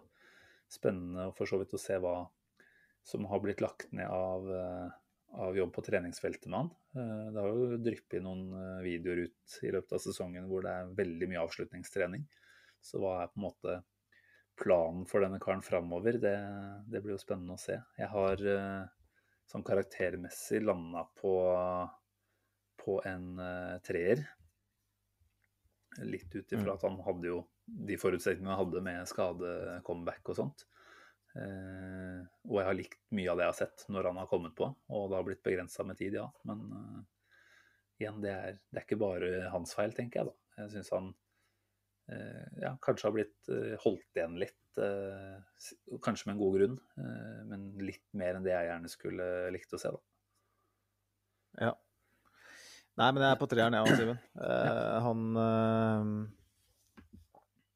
Han har for så vidt gjort det greit, eh, og av og til mer enn greit, når han har vært på banen. Men eh, det er vanskelig å, å gjøre seg opp en sånn veldig klar formening når han ikke får noe regelmessig Mm. matching. Og eh, igjen syns jeg jo vi kan se et mønster eh, når han skårer det målet mot Crystal Palace i, i forrige runde. Og så ja, rett, Det er jo det. Også, ja, Ødegaard sin pasning er jo fantastisk, men han går jo på det løpet som kanskje Det er jo nesten ingen andre som hadde gått på det løpet i, i den stallen her. Og den touchen han får og den skåringa han gjør, er en stor prestasjon. og så når uh, Aubameyang da skal ut i dag hjemme mot Brighton, så er det Lacassette som kommer på. Avskjedskamp, kanskje? eller? Jeg, nei, ja, si det, men altså, jeg tenker at det er naturlig å gi Martinelli den sjansen da, da etter som en påskjønnelse nærmest, for, det, for at han redda oss i den kampen i forkant, som, som jo eh, kunne ha gitt oss St. Oppstring sted, da, dessverre, eller heldigvis ikke gjorde det, vi vet ikke, det er mange forskjellige meninger om det, men eh, det er jo det virker som det sitter langt inne hos Arteta da, å, å, å gi Martinelli en Mm. skikkelig sjanse. og jeg vet, vi, vi har alle hørt på hva Ariteta sier. Og vi har dratt paralleller eh, hit og dit med det som behandlingen Saka fikk i fjor osv. Men den, vi har jo til gode å se at han virkelig gir Martinelli en, en, en skikkelig sjanse. Og, så Men- det er vanskelig. Det er en treer, og det er på en måte på det jevne. Ja. Enig. enig. Eh, Jeg ser jo klokka den går fort her, Magnus. Vi har jo snakka Oh. to timers tid. Eh, Men vi kan jo ikke ikke ta oss god tid når vi skal snakke om eh, Bukayo Saka. Der er det bare å brette ut alt vi har av superlativer, vel? Er det ikke det? Du kan jo få lov til å gå i gang. Ja. Uh, Bukayo Saka, det er eh, årets spiller eh, for meg. Du avslører allerede. Jeg avslører allerede. Eh, det er kanskje feil, men vi har ikke tid til å kjøre noen sånn eh, diskusjon etterpå. ikke det? Sant. Eh, Han snuser på en femmer for meg, som den eneste som er i nærheten. Han får fire og en halv. Ja. Du er streng, altså. Eh, Ja, jeg er streng, men eh, det er liksom det å få en femmer. Altså, da skal du ha da skal du ha hatt en eksepsjonell sesong, i mine øyne. Uansett eh, forutsetning. Mm. Uh, men uh, han har tatt et særlig stort ansvar, rett og slett. Spesielt offensivt. Så han, han har baila oss ut uh, mange ganger. Eh, den Benfica-matchen via Real, eh, selv om det ikke ble noe finale ut av det. Brighton-kampen borte. Eh, når han bare går på det raidet når vi Mm. virkelig trenger det. Han har spilt høyre venstreback, høyre vingbekk, venstre vingbekk, høyre kant, venstre kant, ti-rollen. En sånn slags åtterolle mm. han har spilt. Eneste rollen han har sett ukomfortabel ut, er egentlig høyre bekk. Eh, Ja, det var ikke noe særlig, nei. Det er jeg enig i. Men uh, jeg håper ikke det er med på å trekke ned uh, karakteren din totalt, for det er jo ikke Nei, men det var bare, bare eksemplifisering Ja, nei, på hvor vanvittig bra det har vært. Og så skulle det, skulle det på en måte ha tatt utgangspunkt i at, eh, at fyren er 19 år og, Mm, og sånn, og vært veldig snill med, så kunne jeg gått høyere. Men uh, eh, han er den beste og mest produktive tenåringen vi har hatt siden Fabregas. Uh, Ja. han har en evne til å ta de rette avgjørelser i, i så mange situasjoner, i så mange forskjellige posisjoner, at uh, det som kanskje gjør at han ikke får en, en femmer, er kanskje en litt dalende kurve på, Mm. på slutten. Mm. Eh, og det, jeg føler ikke at jeg kan eh, Det er litt strengt på en måte, for at eh, han ser sliten ut. Han starter ikke i dag, men det, og det syns jeg er riktig. Jeg synes han var Mot Perez så syns jeg han så tung og treig ut. Mm. Eh, selv om han igjen bidrar eh, i oppbygningen til det første målet den kampen. Så det eh, Altså en, en veldig, veldig, veldig god sesong. Og eh, ja, kanskje er jeg streng. Jeg regner med at du har lagt deg Ja. enda høyere enn det. Det stemmer jo det. Jeg, altså Når jeg gir Smith-Roll femmeren, så kan jeg ikke, ikke gjøre det samme til Saka. For jeg, jeg støtter deg jo i at han har vært eh, vår beste spiller gjennom sesongen totalt sett. Uh, og jeg syns det er urettferdig å ikke ta høyde for at han tross alt er 19 år, og ikke skulle egentlig bære laget så mye på skuldrene som han har gjort. Eh, og det har han gjort med bravur store deler av sesongen. Eh, det er klart Produksjonen hans igjen kunne jo selvfølgelig vært høyere. Han har jo fem skåringer i ligaen, to i Europaligaen, og så har han tre målgivende i ligaen og tre i Europaligaen. Så totalt sett så er han jo da oppe igjen eh, blir det åtte pluss eh, fem, det burde jeg klare fort. Det er 13. Eh, det er ikke world-beating, på en måte, men igjen, da, 19 år. eh, Bidrar på mange områder i spillet. Så, så må jeg bare si at han er eh, han er så utrolig behagelig å se på, og mye av det han gjør. eh, I hvert fall når han er, eh, har mentalt overskudd. Det ser så lett ut. Han er så talentfull. Så det store spørsmålet for meg er fortsatt litt sånn Hva er beste eh, eh, plassering av han, faktisk? Eh, det blir spennende sånn sett å se hva vi gjør med Ødegaard til neste år. fordi jeg har likt Smith-Roe veldig godt fra venstre. Eh, og jeg liker jo PP veldig godt fra høyre, først og fremst. Og jeg er spent på hva Saka kunne ha holdt på med fra den ja, mer som tier som utgangspunkt. da. Det, det er jo ikke sikkert vi får vite det, men eh, han, er så, han er så talentfull fotballspiller at jeg tror han hadde løst det også veldig godt gjennom en sesong. da. Mm. Mm. Men eh, nei, du sa mye fint og støtter deg i alt det, men legger meg altså ett lite hakk høyere. Og det handler da litt igjen om at uh, han er 19. Vi skulle ikke egentlig trenge å forvente dette her fra han. Han hadde en gjennombruddssesong i fjor som var helt eksepsjonell, og sånn sett så forventer vi en del. Men bare det å følge opp en, uh, en sånn debutsesong, da, hvis man kan kalle det det, det var jo ordentlig, ordentlig debut nesten forrige sesong. Eh, at han da faktisk klarer å fortsette med såpass mye eh, motstand som han har fått da. da. Altså, du ser hvordan eh, lagene vi spiller mot tar flere og flere hensyn. Eh, han har fått mye nedsparkinger eh, etter hvert. Kommer seg opp Mm. igjen. Det er ikke rart at han blir eh, prega av det etter hvert. da. Så for meg så er han nei, det, det aller, aller største lyspunktet i år igjen, eh, faktisk. Og årets spiller, han fortjener en femmer hos meg. Da er det ikke så mange igjen her, eh, Simen. Det er tre spisser, er det ikke det? Eh, de tre som for så vidt kan defineres som spisser. Vi kan starte med den som har forsvunnet mer og mer ut av eh, bildet. Mm. Eh, Blitt helt borte, som- kan du vel til og med si. Ja, eh, han vi kanskje trodde skulle gjøre noe av det Willoch har holdt på med i Newcastle, nemlig, i Premier League, nemlig Eddie Nketia. Um, Mm. Eh, ja, hva har du navna på, Simen? Ah, altså, jeg har gitt han en toer. Og det er eh, Det er vel rett og slett fordi han har skåret to mål. to mål, fire starter. Jeg tenker Det i seg selv er ikke ille. Eh, vært bytta inn en del, da. Men har jo fada mer og mer ut etter å ha vært ganske Ikke fast inventar, men i hvert fall en del fram til runde sånn 14 ca. Så var han eh, ofte på banen. Eh, og så har det bare blitt helt borte, før han var litt på plass igjen nå i sånn runde 31, 32 osv. Men det var jo noen korte innhopp bare. Eh, tenker at eh, Nketia har vist eh, å ha store begrensninger, noe vi også kanskje trodde. Eh, og så er han vel en fyr som kanskje lider ekstra av at Arsenal som lag i år har hatt store problemer med å skape sjanser. Eh, Nketia er en fyr som skal være på enden av sjansene og omsette de i mål. Eh, når man da sliter så mye med å fòre toppspissen, da, da, blir det ikke så mye mål. Og han blir ofte også ganske usynlig eh, når han er på. Så jeg tenker at kanskje, da, som Joe Willoch sier, hvis du får en Keti i en riktig lag, og for så vidt også kanskje på riktig nivå, så, så kan det bli masse, masse skåringer. Det har han jo vist tidligere. Men jeg, jeg, begynner vel å bli ganske sikker på at Nketia han har på en måte ikke vist Arteta nok til å være en spiss han ønsker å satse på framover. Og får vi solgt han nå i sommer, så tenker jeg det er det absolutt riktigste vi kan gjøre. Synd, for det er jo en som vi absolutt skulle ønske at hadde kommet inn og tatt oss med storm. da. Eh, kanskje forventa på en periode i den sesongen at han skulle danke ut Lacassette som en slags eh, et slags andrevalg. Men, eh, men det har jo ikke skjedd. Og, og Lacassette har jo heller ikke blitt et andrevalg. Han har jo tidvis vært eh, den foretrukne toppspissen.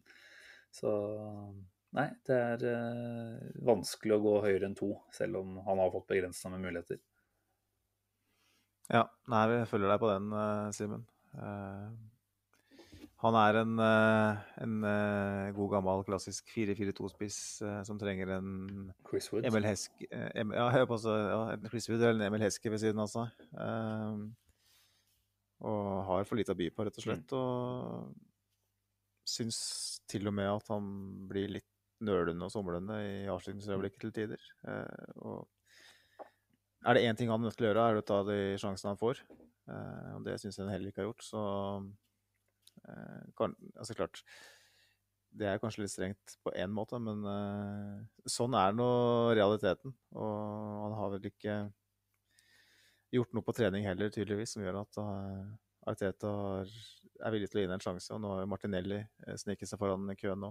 Spiller som mange trodde Arteta ikke ville bruke i akkurat den rollen. Mm. Så føler jo at at vi må prøve oss å finne et marked for den i sommer. og Altså, ja, eh, Toppklubb i championship uh, vil jo lett kunne bla opp 15 foran her, tenker jeg. Så, så det, noe, ja. noe, sånt bør være mulig å få til. Sheffield United betalte 24 millioner pund, var ikke det, for Ray Brewster? Sånt, ja, så. Da bør vi kunne ta en kontakt med, med dem og mm. høre om de har lyst på en som faktisk kan å skåre mål. Eh, men uh, ja, en toer, ja. og ikke mer tid på det. Vi må videre. Eh, Lacassette, da. Som jo da, som jeg sa, vel må kunne sies å ha vært Artetas eh, foretrukne toppspiss eh, sånn sesongen sett uh, under ett. Eh, til manges frustrasjon, kanskje, men han har jo vist at han har en del eh, attributter i spillet sitt som passer bra inn i vårt offensive, oppbyggende spill. Og når han da i tillegg ender som toppskårer i ligaen, 13 goller på 22 starter, så er jo ikke det halvgærent i utgangspunktet, da. Eh, det er jo synd at ikke vi har noen som skårer mer enn 13 i ligaen. Det er eh, begredelige tall. Men eh, jeg må si at altså, vi husker hvordan vi, vi så på Lacassette ved sesongstart og litt utover der. Han hadde så så tung ut. Og det var, det var bare som å se noen som prøvde å bevege seg rundt i sirup, vet du, det han holdt på med på topp der. Det gikk så sakte. Mm. At han allikevel har 13 skåringer, tenker jeg, det, det, må vi ta med oss og eh, applaudere han for. Uh, og så er det ikke sånn de tallene i, i målprotokollen eh, måtte overskygger prestasjonene, for det har jo selvfølgelig vært en del dårlige prestasjoner også, da.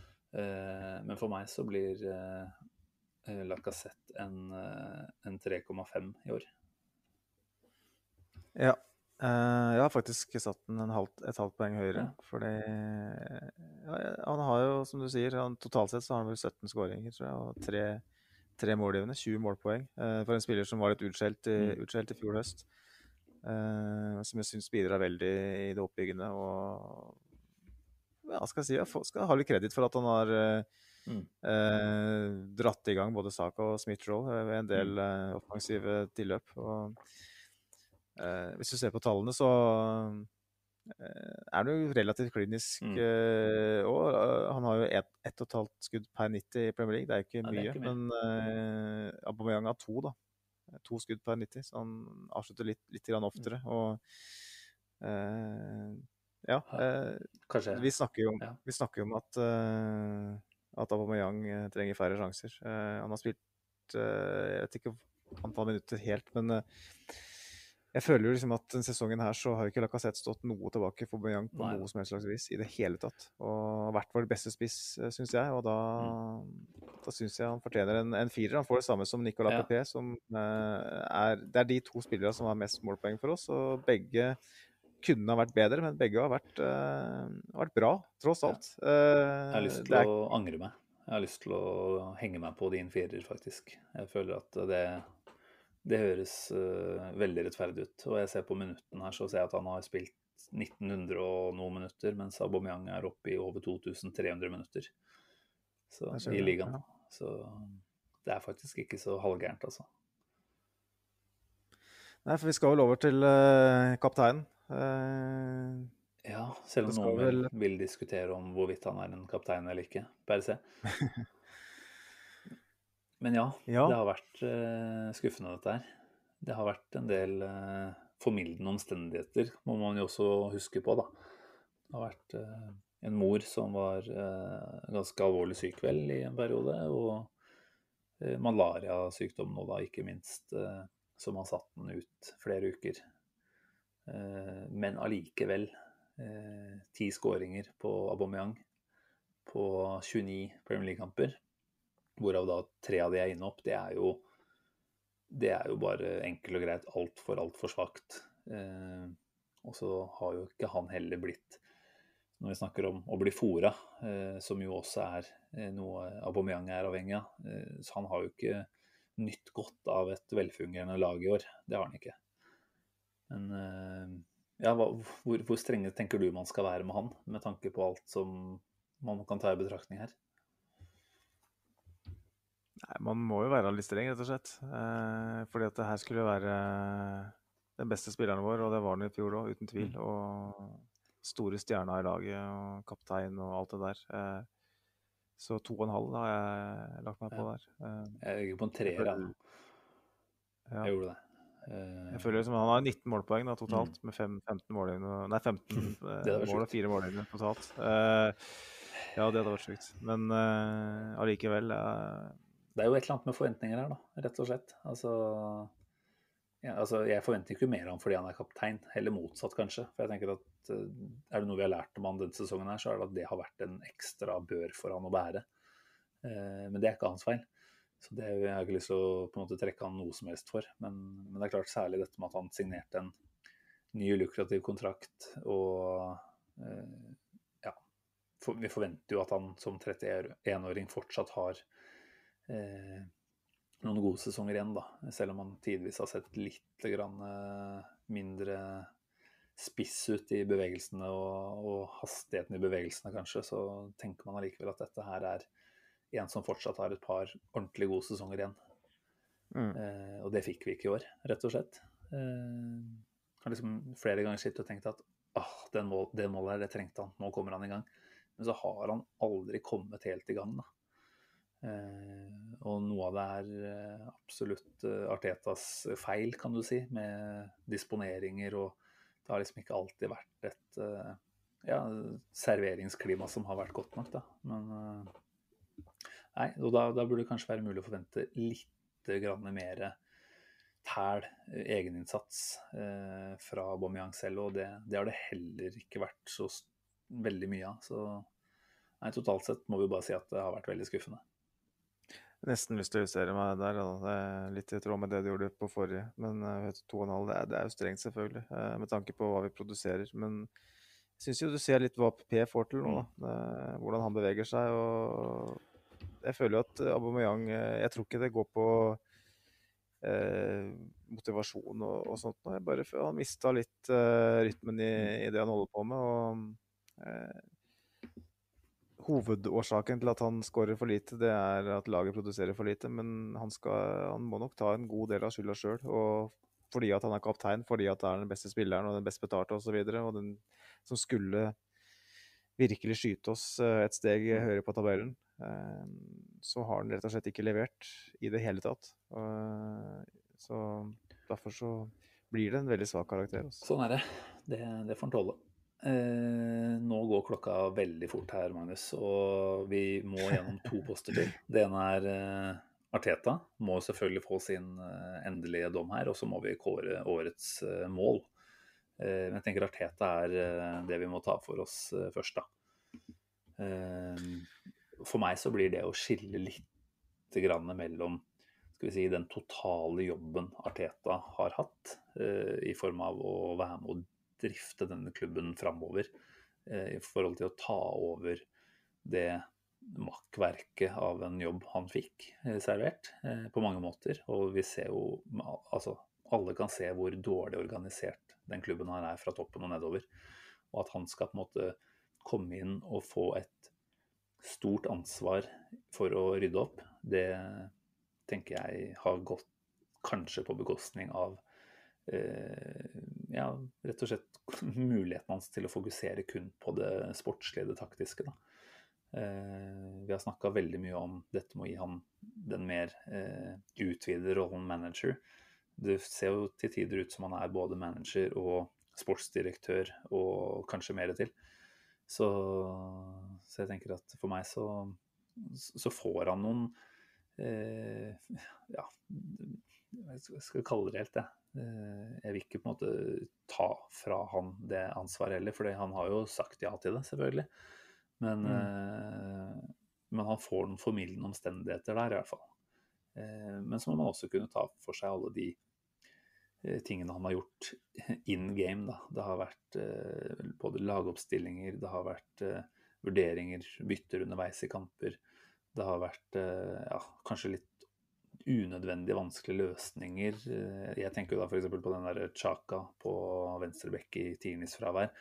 Jeg syns jo at eh, det skapte flere problemer enn det var med å løse, sannsynligvis. Eh, Mm. Og da er vi jo kanskje også tilbake på dette med staheten hans. Eh, evnen og viljen til å se at oi, dette funker kanskje ikke så bra. La oss snu før eh, vi taper altfor mye terreng her, eller i verste fall ryker ut. da. Eh, der er det noen sider han forhåpentligvis kan lære litt om seg selv fortsatt, og, og kanskje justere seg litt innpå. Så, så for meg så er Arteta på en måte litt sånn delt i to. Det er både klubbdrifteren, og det er den taktiske biten av han. Eh, Mm. Og jeg tenker at han har kommet inn og gjort utrolig mye viktig arbeid. Eh, han sa det selv her nå for noen dager siden, at det har vært interne eh, anliggender, spillere, sannsynligvis, da, i klubben som har rett og slett jobba imot klubbens beste. Eh, vi trenger ikke å snakke for mye om det nå, men det er tydelig at han har hatt en oppryddingsjobb her som har vært veldig stor. Eh, og den er han godt i gang med, og jeg er på mange måter glad for at han eh, nå får fortsette med den gjennom sommeren og forhåpentligvis får en god start på neste sesong. Jeg har lyst til å høre ditt eh, resonnement før jeg gir min karakter. Ja. Ehm,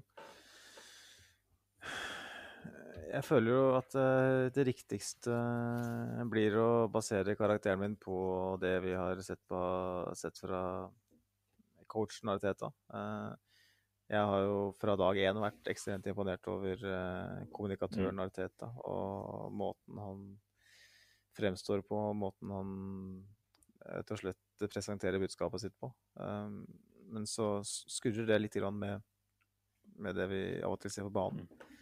Og kanskje, kanskje var det noen bad eh, apples, eh, bad eggs her og der, eh, som har blitt fjerna. både fra spillergruppa og kanskje ellers i klubben òg. Du ser jo at hodet ruller både her og der. Til og med i dag har vi fått en del nyheter om det, uten at jeg skal nødvendigvis trekke det i, sammenheng. Men han har på en måte starta med det viktigste eh, og sydd igjen bak. Mm. og han har eh, klart å få spillere til å trekke i samme retning, virker det som. Men uh, det mangler såpass mye i det offensive, og det har blitt uh, prestert såpass begredelig mm. til tider offensivt. Det er snakk om var det 12-13 kamper i ligaen uten mål. Uh, 24 ligamål i løpet av hele sesongen på hjemme, som er det verste siden 1912, eller hva det er for noe. Ja, 1972 var det vel. Var det ikke Ja, det er, det er forskjellige statistikker her, da, men samme, samme faen, egentlig. Også det er det verste på en mannsalder og kanskje tre. Han har satt en del negative rekorder i år, da. Det må vi jo kunne si. Ja, og um, den Artetaen som vi virkelig trodde på, og, og, hva skal jeg si, han som bygde i, i riktig retning, har mm. fått seg en del skrammer i løpet av sesongen, rett og slett. Og jeg tror uh, vel fortsatt at Arteta kan være riktig mann, men uh, jeg er ikke lenger like overbevist. Eh, jeg syns, syns, det er godt å sitte på den, den siden av bordet fremdeles, eh, for jeg tror det er riktig. Men eh, denne sesongen her så, så har han skuffa meg totalt sett og får to og en halv. Samme som Aubameyang. Fader, det er så kjedelig. Nå er vi fader meg helt der også, på linje. Jeg satt og lurte på om jeg skulle løfte meg til en treer.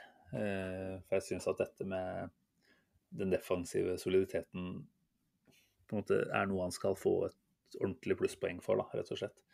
Og, og, særlig kanskje med tanke på at jeg tror det er kanskje noe av det aller viktigste å bygge videre på. Altså det går an å krydre det som skjer framover i større grad enn det går an å tilpasse den defensive strukturen og hele den, den grunntenkinga rundt hvordan vi skal forsvare oss. Da. Så ja, nei et, ja, To og en halv, tre. Jeg sier tre, da, faktisk. Bare for å være litt raus og for å opprettholde imaget mitt som det mest hyggelige av. Det mest gavmilde. Så treer eh, for en Arteta som før sesongen eh, hadde så høye forventninger til seg, det, det, er jo en gigantisk skuffelse. Det er jo det. Og jeg tror at Arteta rett og slett må ja, erkjenne at han har en del ting han må forandre seg på, faktisk. Eh, så jeg er veldig veldig spent på hvordan han bruker de neste ukene her. Og håpet er at han slipper å bruke altfor mye tid på ja, disse klubbanliggende igjen, da, som du på en måte ønsker at andre personer skal ta ansvar for. Sånn at Arteta har best mulig forutsetninger for å deale med det som skal skje på banen isolert sett. Men mm. eh, nei, det blir spennende å se eh, hvordan han angriper de neste ukene. Men jeg syns vi er ja, relativt på linje gjennom hele veien av Magnus, og det, det er kanskje et sunnhetstegn. At vi har eh, sett de samme kampene og gjort opp eh, mange av de samme vurderingene her. Ja, det er klart uh, Uenigheter vil det alltid være, og vi ser jo på diverse foraer og Twitter osv. at det, krangles litt, både det ene og det andre. Men jeg tenker jo at mantraet bør jo være det at det er veldig lov å, å, være negativ. Det er veldig lov å være positiv, så lenge du klarer å uh, argumentere for det. Mm. Og det har vært mye negativitet rundt uh, Ariteta, men det er faen meg riktig òg. For det har vært så mye svakt i enkelte kamper. Eh, hjemmekamp mot Slavia Bra, hjemmekamp mot Villarreal, ikke sant? Mm. sånne ting som det der. Bortekamp mot Villarreal for den saks skyld. ikke sant? At han er jo manager for Arsenal Football Club. da. Man kan jo ikke si at ja, men han er, er lærling. Nei. Lærer på jobb, han. Eh, liksom, det er ikke sånn det funker. Eh, når du kommer til det stadiet der, så må, du, må det forventes noe av deg. Og vi, vi tilgir, og vi, vi, vi håper at, eh, at, det blir bedre neste sesong. Og vi håper at Arteta er rett mann, og at Arsenal er på riktig vei, ja. men eh, vi, får se. Vi, får se. vi, må være strenge. Nå, nå er du stressa, Simen, hører jeg, som ordfører. Jeg må bare si en ting med en gang, og det er at eh, for de eventuelle lytterne som faktisk nå er med her, eh, videre i den, altså helt på slutten av sendingen her, så tenker jeg at vi skal gi en liten gulrot. Og det er at når vi legger ut denne episoden av Magnus på Facebook og Twitter, så tenker jeg at alle som har hørt dette her, og som triller sitt eget terningkast på Arteta, Arteta-sesong, altså 1 til 6, eh, og kommenterer på Twitter eller Facebook, de eh, blir med trekningen av et par-tre gavekort på pizza på Domino's Bare for å gi en liten, liten ekstra gulrot til de som faktisk eh, tar seg så god tid som man faktisk gjør, da, hvis man har hørt hele den poden her. Det er fortjent. Eh, og ja, jeg er stressa fordi jeg er eh, ordfører, og klokka er over halv ett her eh, når vi sitter og spiller. Da begynner det å nærme seg natta. Men før vi skal runde helt av, så må vi kåre årets mål. Det er obligatorisk. Sikkert mange andre kåringer kunne gjort også, men årets mål, den, den må med. Eh, og da kan jeg ta min først. Eh, jeg nevnte den for deg her i stad, så det er vel ikke noe overraskelse for deg. Eh, men for meg så er det Bukayo Saka sitt mot West Bromwich. Der hvor Smith-Roe kombinerer med Lacassette, er det vel, i forkant. før han serverer Saka på åpen, da. Og da må jeg bare si at det er den kombinasjonen av de to unggutta der, Hale N-produktene våre, som virkelig eh, skru på feststemning. Og eh, det var liksom Det var good old Arsenal, eh, sånn som angrepsspill eh, virkelig skal eh, utføres, da.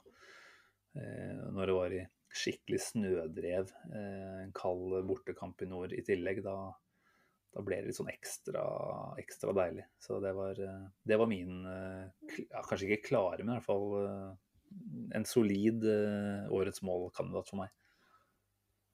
Ja. Nå klokka mye, og sesongen har vært lang, og mye vil fortrenge. Og lite skåringer å Eh, plukke fra, si. Ja, derfor burde du huske de som er bedre, da. Men jeg sliter litt, merker jeg, med, med å liksom plukke ut noen. Og det er, det er et eller annet med den West Bromwich-kampen som du er inne på. Det, det, det snøværet. Eh, og det kampen etter Chelsea, er det ikke da? Eller i hvert fall et par kamper etter Chelsea, hvor du på en måte føler at nå kommer Arsenal. Eh, Kieran Tierney der med selvfølgelig med korte armer i, i snøværet, som drar av samme mann et par ganger, og banker den med feil fot, uh, høyrefoten, opp i krysset fra motsatt. Uh, den er en god nummer to bak den du akkurat kom med. Ja, da har vi på en måte to forskjellige typer der, da. En laghold. jeg, vil, jeg vil gjerne si noe annet, men jeg er enig med Ja, deg. jeg tenker jo også på en god kandidat er jo Lacassette sitt første mot Sheffield United. Det klikk-klakk-spillet i forkant her. Eh, Det var også ja, veldig, veldig fint. Så nei, det blir jo ikke noe sånn derre sesongkavalkade som vi gidder å sitte og, og kjøre på repeat gjennom sommeren, dette her. Men eh, noen positive øyeblikk har det vært, og vi får prøve å ta med oss de videre. Og huske på at fotball er tross alt først og fremst øyeblikk. Da. Så det å klare å liksom verdsette de, de fine tingene som skjer, det, det må vi jo være flinke til. Det blir nok eh, heller så at vi ser på Thierry Henry mot Leeds og Bergkamp mot Newcastle og sånn i stedet. Men eh, ja, eh, prøv å suge på den karamellsaften som er igjen. Og så er det faen meg snart neste sesong, altså. Og nå skal vi kjøre på Steven, utover sommeren med overgangssnakk og litt uh, annet snacks. Nå kan vi endelig legge den der forbanna sesongen her bak oss, rett og slett. Har- det har vært en tung oppstart som Arsenal-podkast, det må sies. Så jeg syns jo et klapp på skulderen til oss og Magnus, det er på sin plass. Som har stått eh, i dette her stort sett i tykt og tynt, altså. Så god innsats. Eh, X-spilleren din den får seg en velfortjent eh, fri i dag, for der er det rett og slett ikke tid. Men veldig bra levert gjennom både sesongen og, og dagens episode. Jeg tror vi, tror vi har kommet greit i mål jeg, når det kommer til karaktersettinger. Åpenbart noen, noen som vi har hoppa over. Jeg tenkte umiddelbart på Reece Nelson, som vi sikkert kunne ha sagt noe om, men eh, han har jo Joe Willoch. Joe Willoch har jo gjort seg fortjent til en sekser, selvfølgelig. Han spilte jo faktisk mer enn mange av de vi hadde, men uh, Ja. Har vel, Gi har, det en treer. ja, har vel omtrent like mange goller som resten av midtbanespillerne våre til sammen. Så ja, vi får se hva som skjer med han. Men det kan vi snakke videre om i neste pod.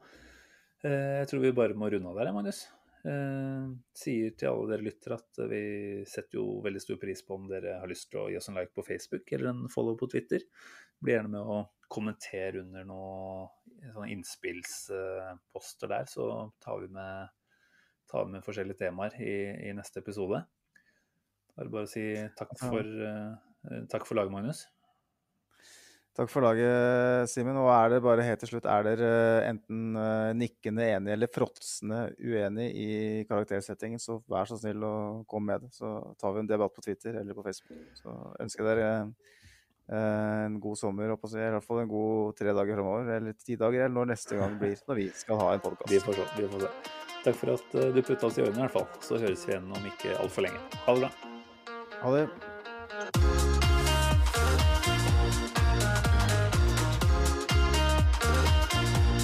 This train terminates here.